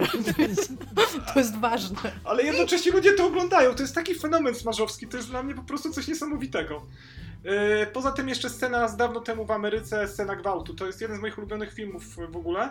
I tam jest scena, kiedy główny bohater dopuszcza się gwałtu. I to jest taka scena, która mi tak siedzi w głowie, bo z jednej strony mamy głównego bohatera, który gdzieś tam jako protagonista, ale on jest też gangsterem jednak. I y, on się dopuszcza gwałtu na kobiecie, którą całe życie kochał. I jak oglądasz ten film, masz wrażenie, że gdyby te rzeczy inaczej, gdyby on się starał, gdyby to trochę inaczej się ułożyło, to powinna być scena miłosna w tym momencie. I to jest To taka jest scena, spoko. którą do dzisiaj cały czas mnie wali w pamięci po pysku. To jest spoko scena i bym e, dużo miał większy szacunek do tej sceny, gdyby nie to, że ten film jakiś czas wcześniej prezentuje inną scenę gwałtu i prezentuje ją w sposób e, taki bardzo praktycznie, że nie chcę powiedzieć gloryfikujący ten gwałt, ale taki na zasadzie, o tutaj chłopcy się bawili i tam było fajnie. Jakby ten film ma bardzo taki schizofreniczny stosunek w ogóle do tematyki gwałtu. To jest w ogóle bardzo trudny dla mnie, ja go obejrzałem niedawno z polecenia Michała Kowala, on mi się bardzo podobał, ale on ma pewne rzeczy takie punktu widzenia współczes... światopoglądu współczesnego człowieka, on jest dla mnie mocno problematyczny. I niestety tematyka gwałtu i tematyka w ogóle przemocy seksualnej, e, też, też przemocy seksualnej w stosunku do osób bardzo nieletnich, e, jest w tym filmie taka bardzo iffy. Ja miałem takie, Ja się że... zgadzam z Dominikiem, tak.